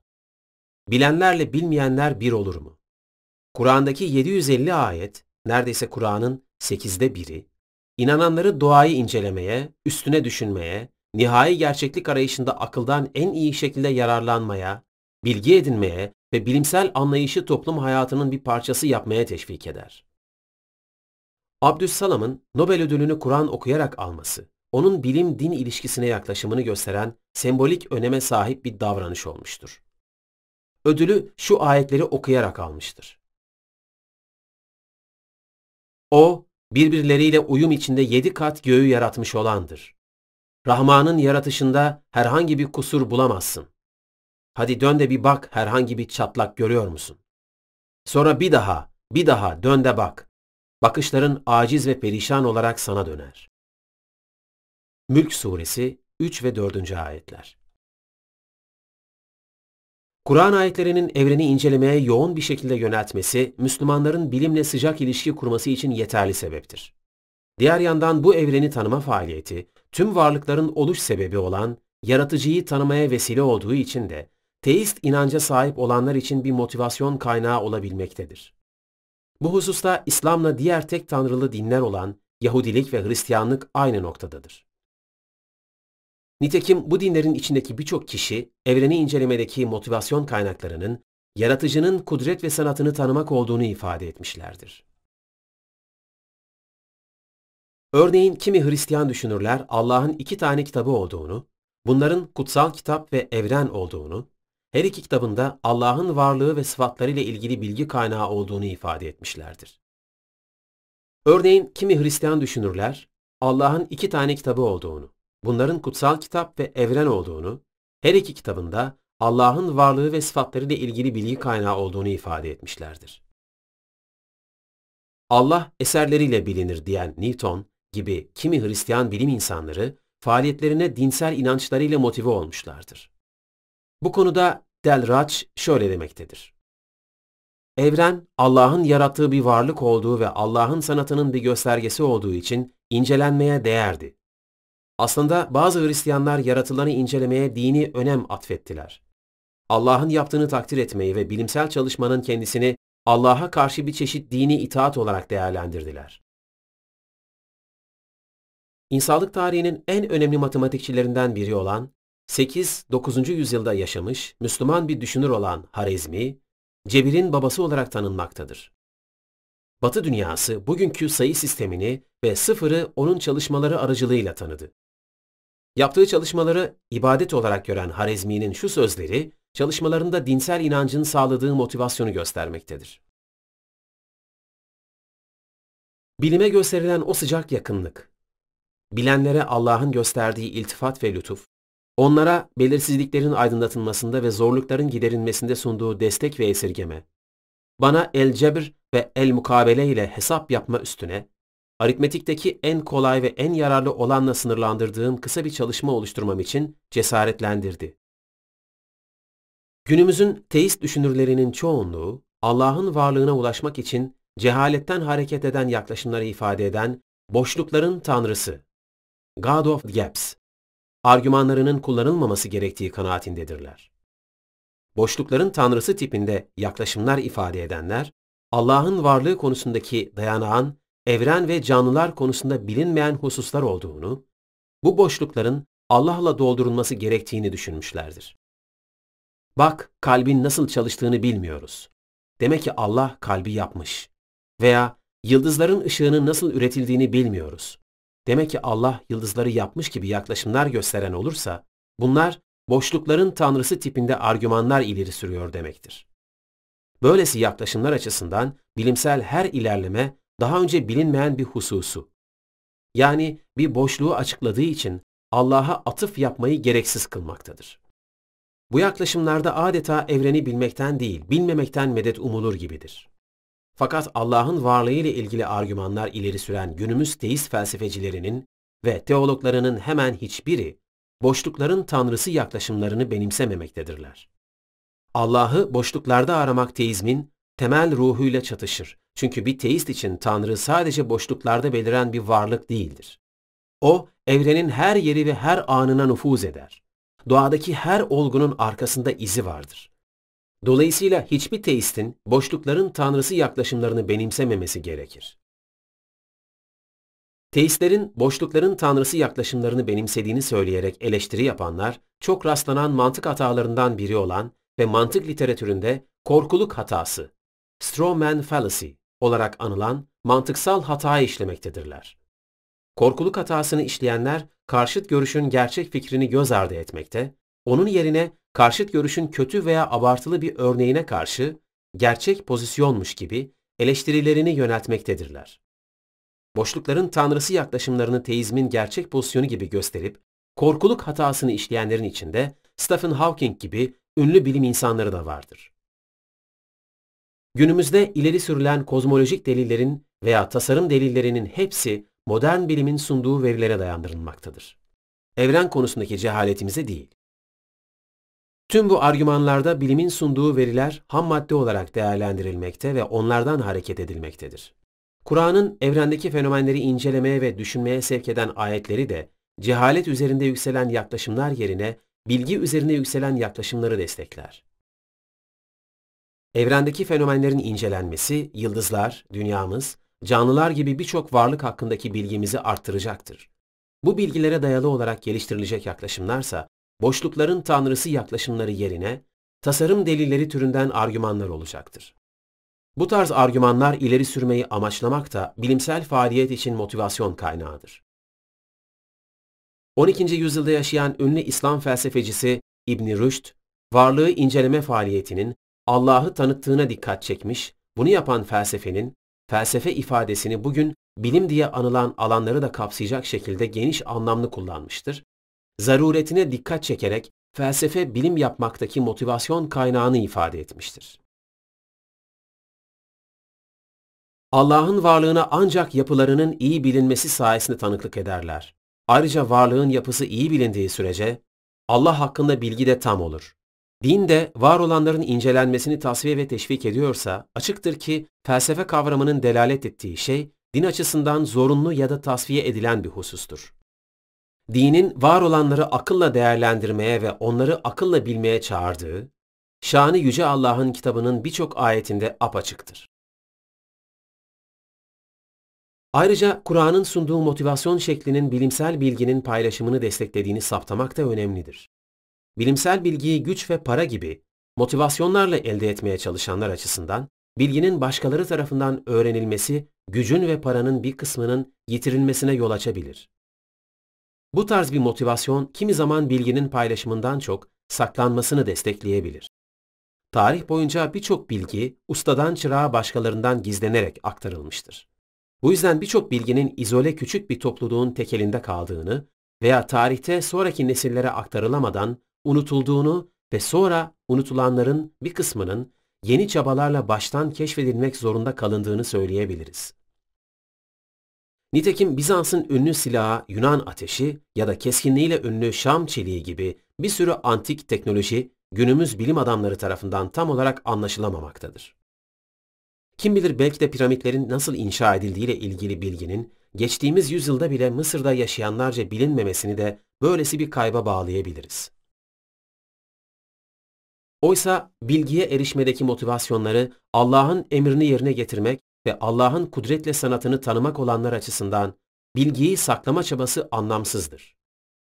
Bu şekilde bir motivasyon, bilginin küçük bir zümrenin tekelinde kalmamasını ve elde edilen bilginin tüm insanlığa yayılmasını desteklemektedir. Hiç şüphesiz bilimsel bilginin yaygınlaşması böyle bir motivasyon dışında yollarla da sağlanabilir. Her halükarda Kur'an'ın sağladığı şekildeki motivasyonun bilginin yaygınlaşması gibi önemli bir süreci desteklediğini saptamak önemlidir. Bilimsel bilgiler tarihsel süreç içerisinde birçok farklı inançtaki insan tarafından üretilmiştir. Bu üretimi yapanlar arasında Yahudi de, Hristiyan da, Müslüman da, Hindu da, putperest de, ateist de vardır. Aynı dinin içinde farklı yorumlara sahip olanların ve farklı mezheplerin takipçileri de olduğunu hatırlayalım. Bu yüzden bilimsel bilgilerin birikimsel doğasından faydalanmak için farklı inançtan olanlardan gelen bilgiye açık olmak ve bu konuda kompleksli bir yaklaşım geliştirmemek gerekmektedir. Kur'an'ın evrendeki fenomenler üzerinde düşünmeye sevk ederken böylesi bir komplekse aşılayan hiçbir ifadesi olmaması da önemlidir. Bunun yanında Kur'an, kavimci ve ırkçı yaklaşımları eleştirerek ırk, cilt rengi ve kan bağı farklılıklarını önemsiz gören ve bunlar üstünde değerlere önem veren bir zihin yapısını oluşturmaktadır. Bu yaklaşım başka milletleri aşağılayarak onlardan gelecek her türlü bilgiye kendini kapatan yaklaşımları dışlar. Buna örnek olarak Kur'an'daki şu ayetler gösterilebilir. Ey insanlar! Gerçekten de sizi bir erkekle bir dişiden yarattık ve birbirinizle tanışmanız için sizi halklar ve kabileler yaptık. Muhakkak ki Allah yanında en değerli olanınız, takvaca en ileride olanınızdır. Hucurat Suresi 13. Ayet Göklerin ve yerin yaratılışıyla dillerinizin ve renklerinizin farklılığı onun delillerindendir. Muhakkak bunda ilim sahipleri için deliller vardır. Rum Suresi 22. Ayet Bütün evreni ve bütün kavimleri tek bir yaratıcının kulları olarak gören Kur'an açısından gerçek evrenseldir. Toplumdan topluma değişen gerçekler yoktur. Her toplum için belirli ilahlara uygun gören geçmişin çok tanrıcı sistemleri ve gerçekliğin kültürden kültüre değişken olduğunu ifade eden evrensel gerçeklikleri reddeden günümüzün postmodern yaklaşımları, Kur'an'dan asla onay almaz. Kur'an'a göre evrensel gerçeklikler vardır. Bu yüzden hangi toplum bu gerçekliklere ulaşırsa ulaşsın, o gerçekliğin doğasına zarar gelmez. Sonuçta diğer toplumun keşfettiği gerçekler de tek ilah olan Allah'ın yarattığı evrendeki fenomenlerle ilgili olduğu için değerlidir. Öteki toplumlardan gelen her şeyi reddeden dinci fanatikliğe malzeme olacak bir ifade Kur'an'da yer almamıştır.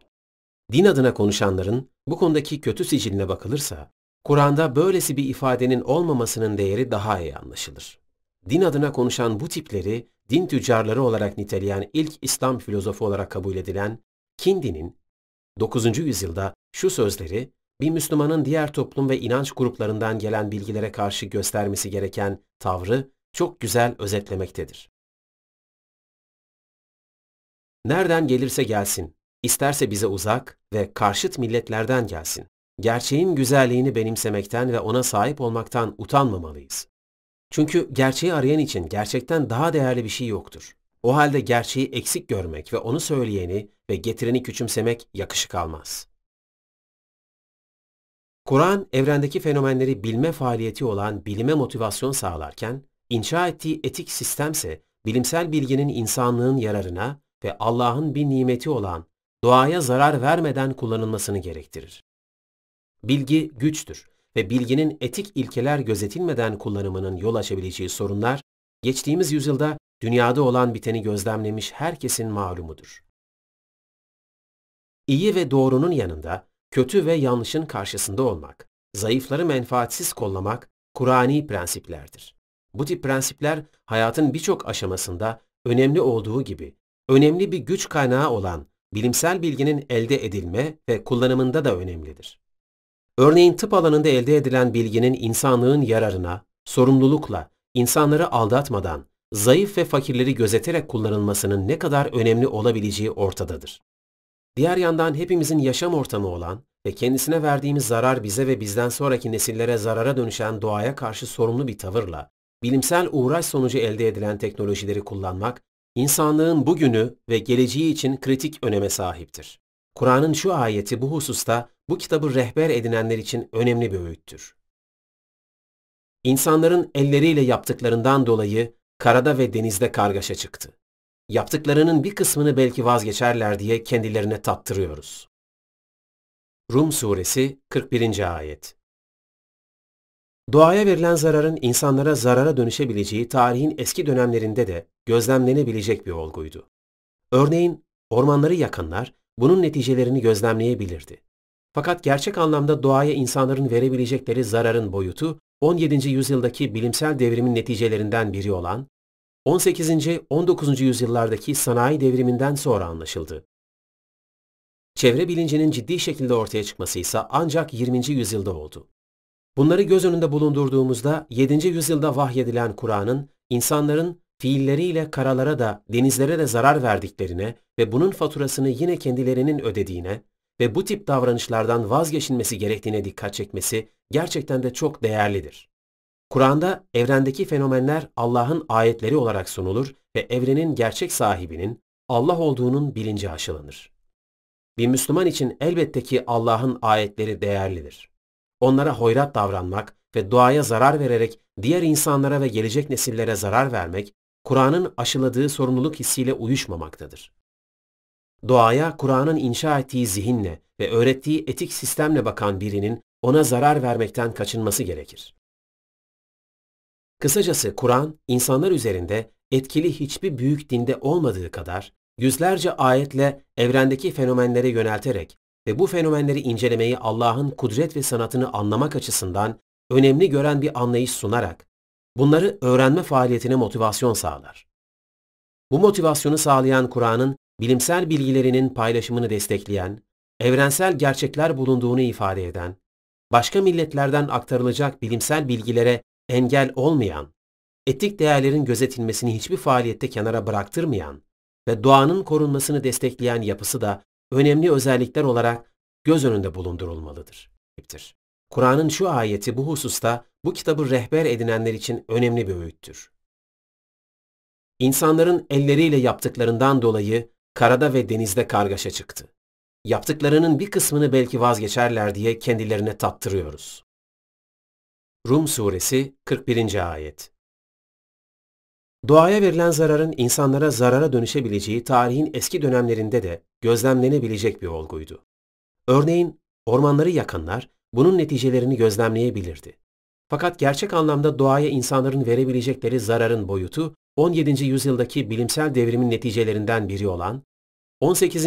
19. yüzyıllardaki sanayi devriminden sonra anlaşıldı. Çevre bilincinin ciddi şekilde ortaya çıkması ise ancak 20. yüzyılda oldu. Bunları göz önünde bulundurduğumuzda 7. yüzyılda vahyedilen Kur'an'ın insanların fiilleriyle karalara da denizlere de zarar verdiklerine ve bunun faturasını yine kendilerinin ödediğine ve bu tip davranışlardan vazgeçilmesi gerektiğine dikkat çekmesi gerçekten de çok değerlidir. Kur'an'da evrendeki fenomenler Allah'ın ayetleri olarak sunulur ve evrenin gerçek sahibinin Allah olduğunun bilinci aşılanır. Bir Müslüman için elbette ki Allah'ın ayetleri değerlidir. Onlara hoyrat davranmak ve doğaya zarar vererek diğer insanlara ve gelecek nesillere zarar vermek, Kur'an'ın aşıladığı sorumluluk hissiyle uyuşmamaktadır. Doğaya Kur'an'ın inşa ettiği zihinle ve öğrettiği etik sistemle bakan birinin ona zarar vermekten kaçınması gerekir. Kısacası Kur'an, insanlar üzerinde etkili hiçbir büyük dinde olmadığı kadar, yüzlerce ayetle evrendeki fenomenlere yönelterek ve bu fenomenleri incelemeyi Allah'ın kudret ve sanatını anlamak açısından önemli gören bir anlayış sunarak, bunları öğrenme faaliyetine motivasyon sağlar. Bu motivasyonu sağlayan Kur'an'ın bilimsel bilgilerinin paylaşımını destekleyen, evrensel gerçekler bulunduğunu ifade eden, başka milletlerden aktarılacak bilimsel bilgilere engel olmayan, etik değerlerin gözetilmesini hiçbir faaliyette kenara bıraktırmayan ve doğanın korunmasını destekleyen yapısı da önemli özellikler olarak göz önünde bulundurulmalıdır. Başka milletlerden aktarılacak bilimsel bilgilere engel olmayan, etik değerlerin gözetilmesini hiçbir faaliyette kenara bıraktırmayan ve doğanın korunmasını destekleyen yapısı da önemli özellikler olarak göz önünde bulundurulmalıdır. Göz önünde bulundurulmalıdır. Sonuç Bu kitapta Kur'an'ın inşa ettiği zihinsel yapının bilimsel faaliyetlerle ilişkisi gösterilmeye çalışıldı. Birinci bölümde bu ilişki bilimsel faaliyetlere eşlik eden zihindeki ön kabuller açısından incelendi. Bilimsel faaliyette bulunurken farkında olalım veya olmayalım, zihnimizde birçok ön kabul vardır. Bu ön kabuller bilimsel faaliyette bulunmamızı desteklemektedir.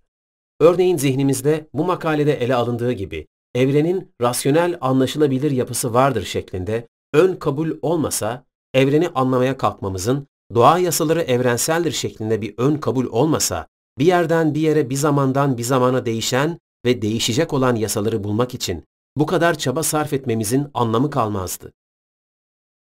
Bu makalede bilimsel faaliyette bulunmamızı destekleyen bunlar gibi yedi tane temel ön kabul ele alındı ve Kur'an'ın içeriğiyle varlık anlayışının bu ön kabulleri desteklediği, bunlara rasyonel temel oluşturduğu ve günümüzde akademik dünyada yaygın bir görüş olan naturalist ateist yaklaşıma kıyasla bunu daha iyi yaptığı gösterilmeye çalışıldı.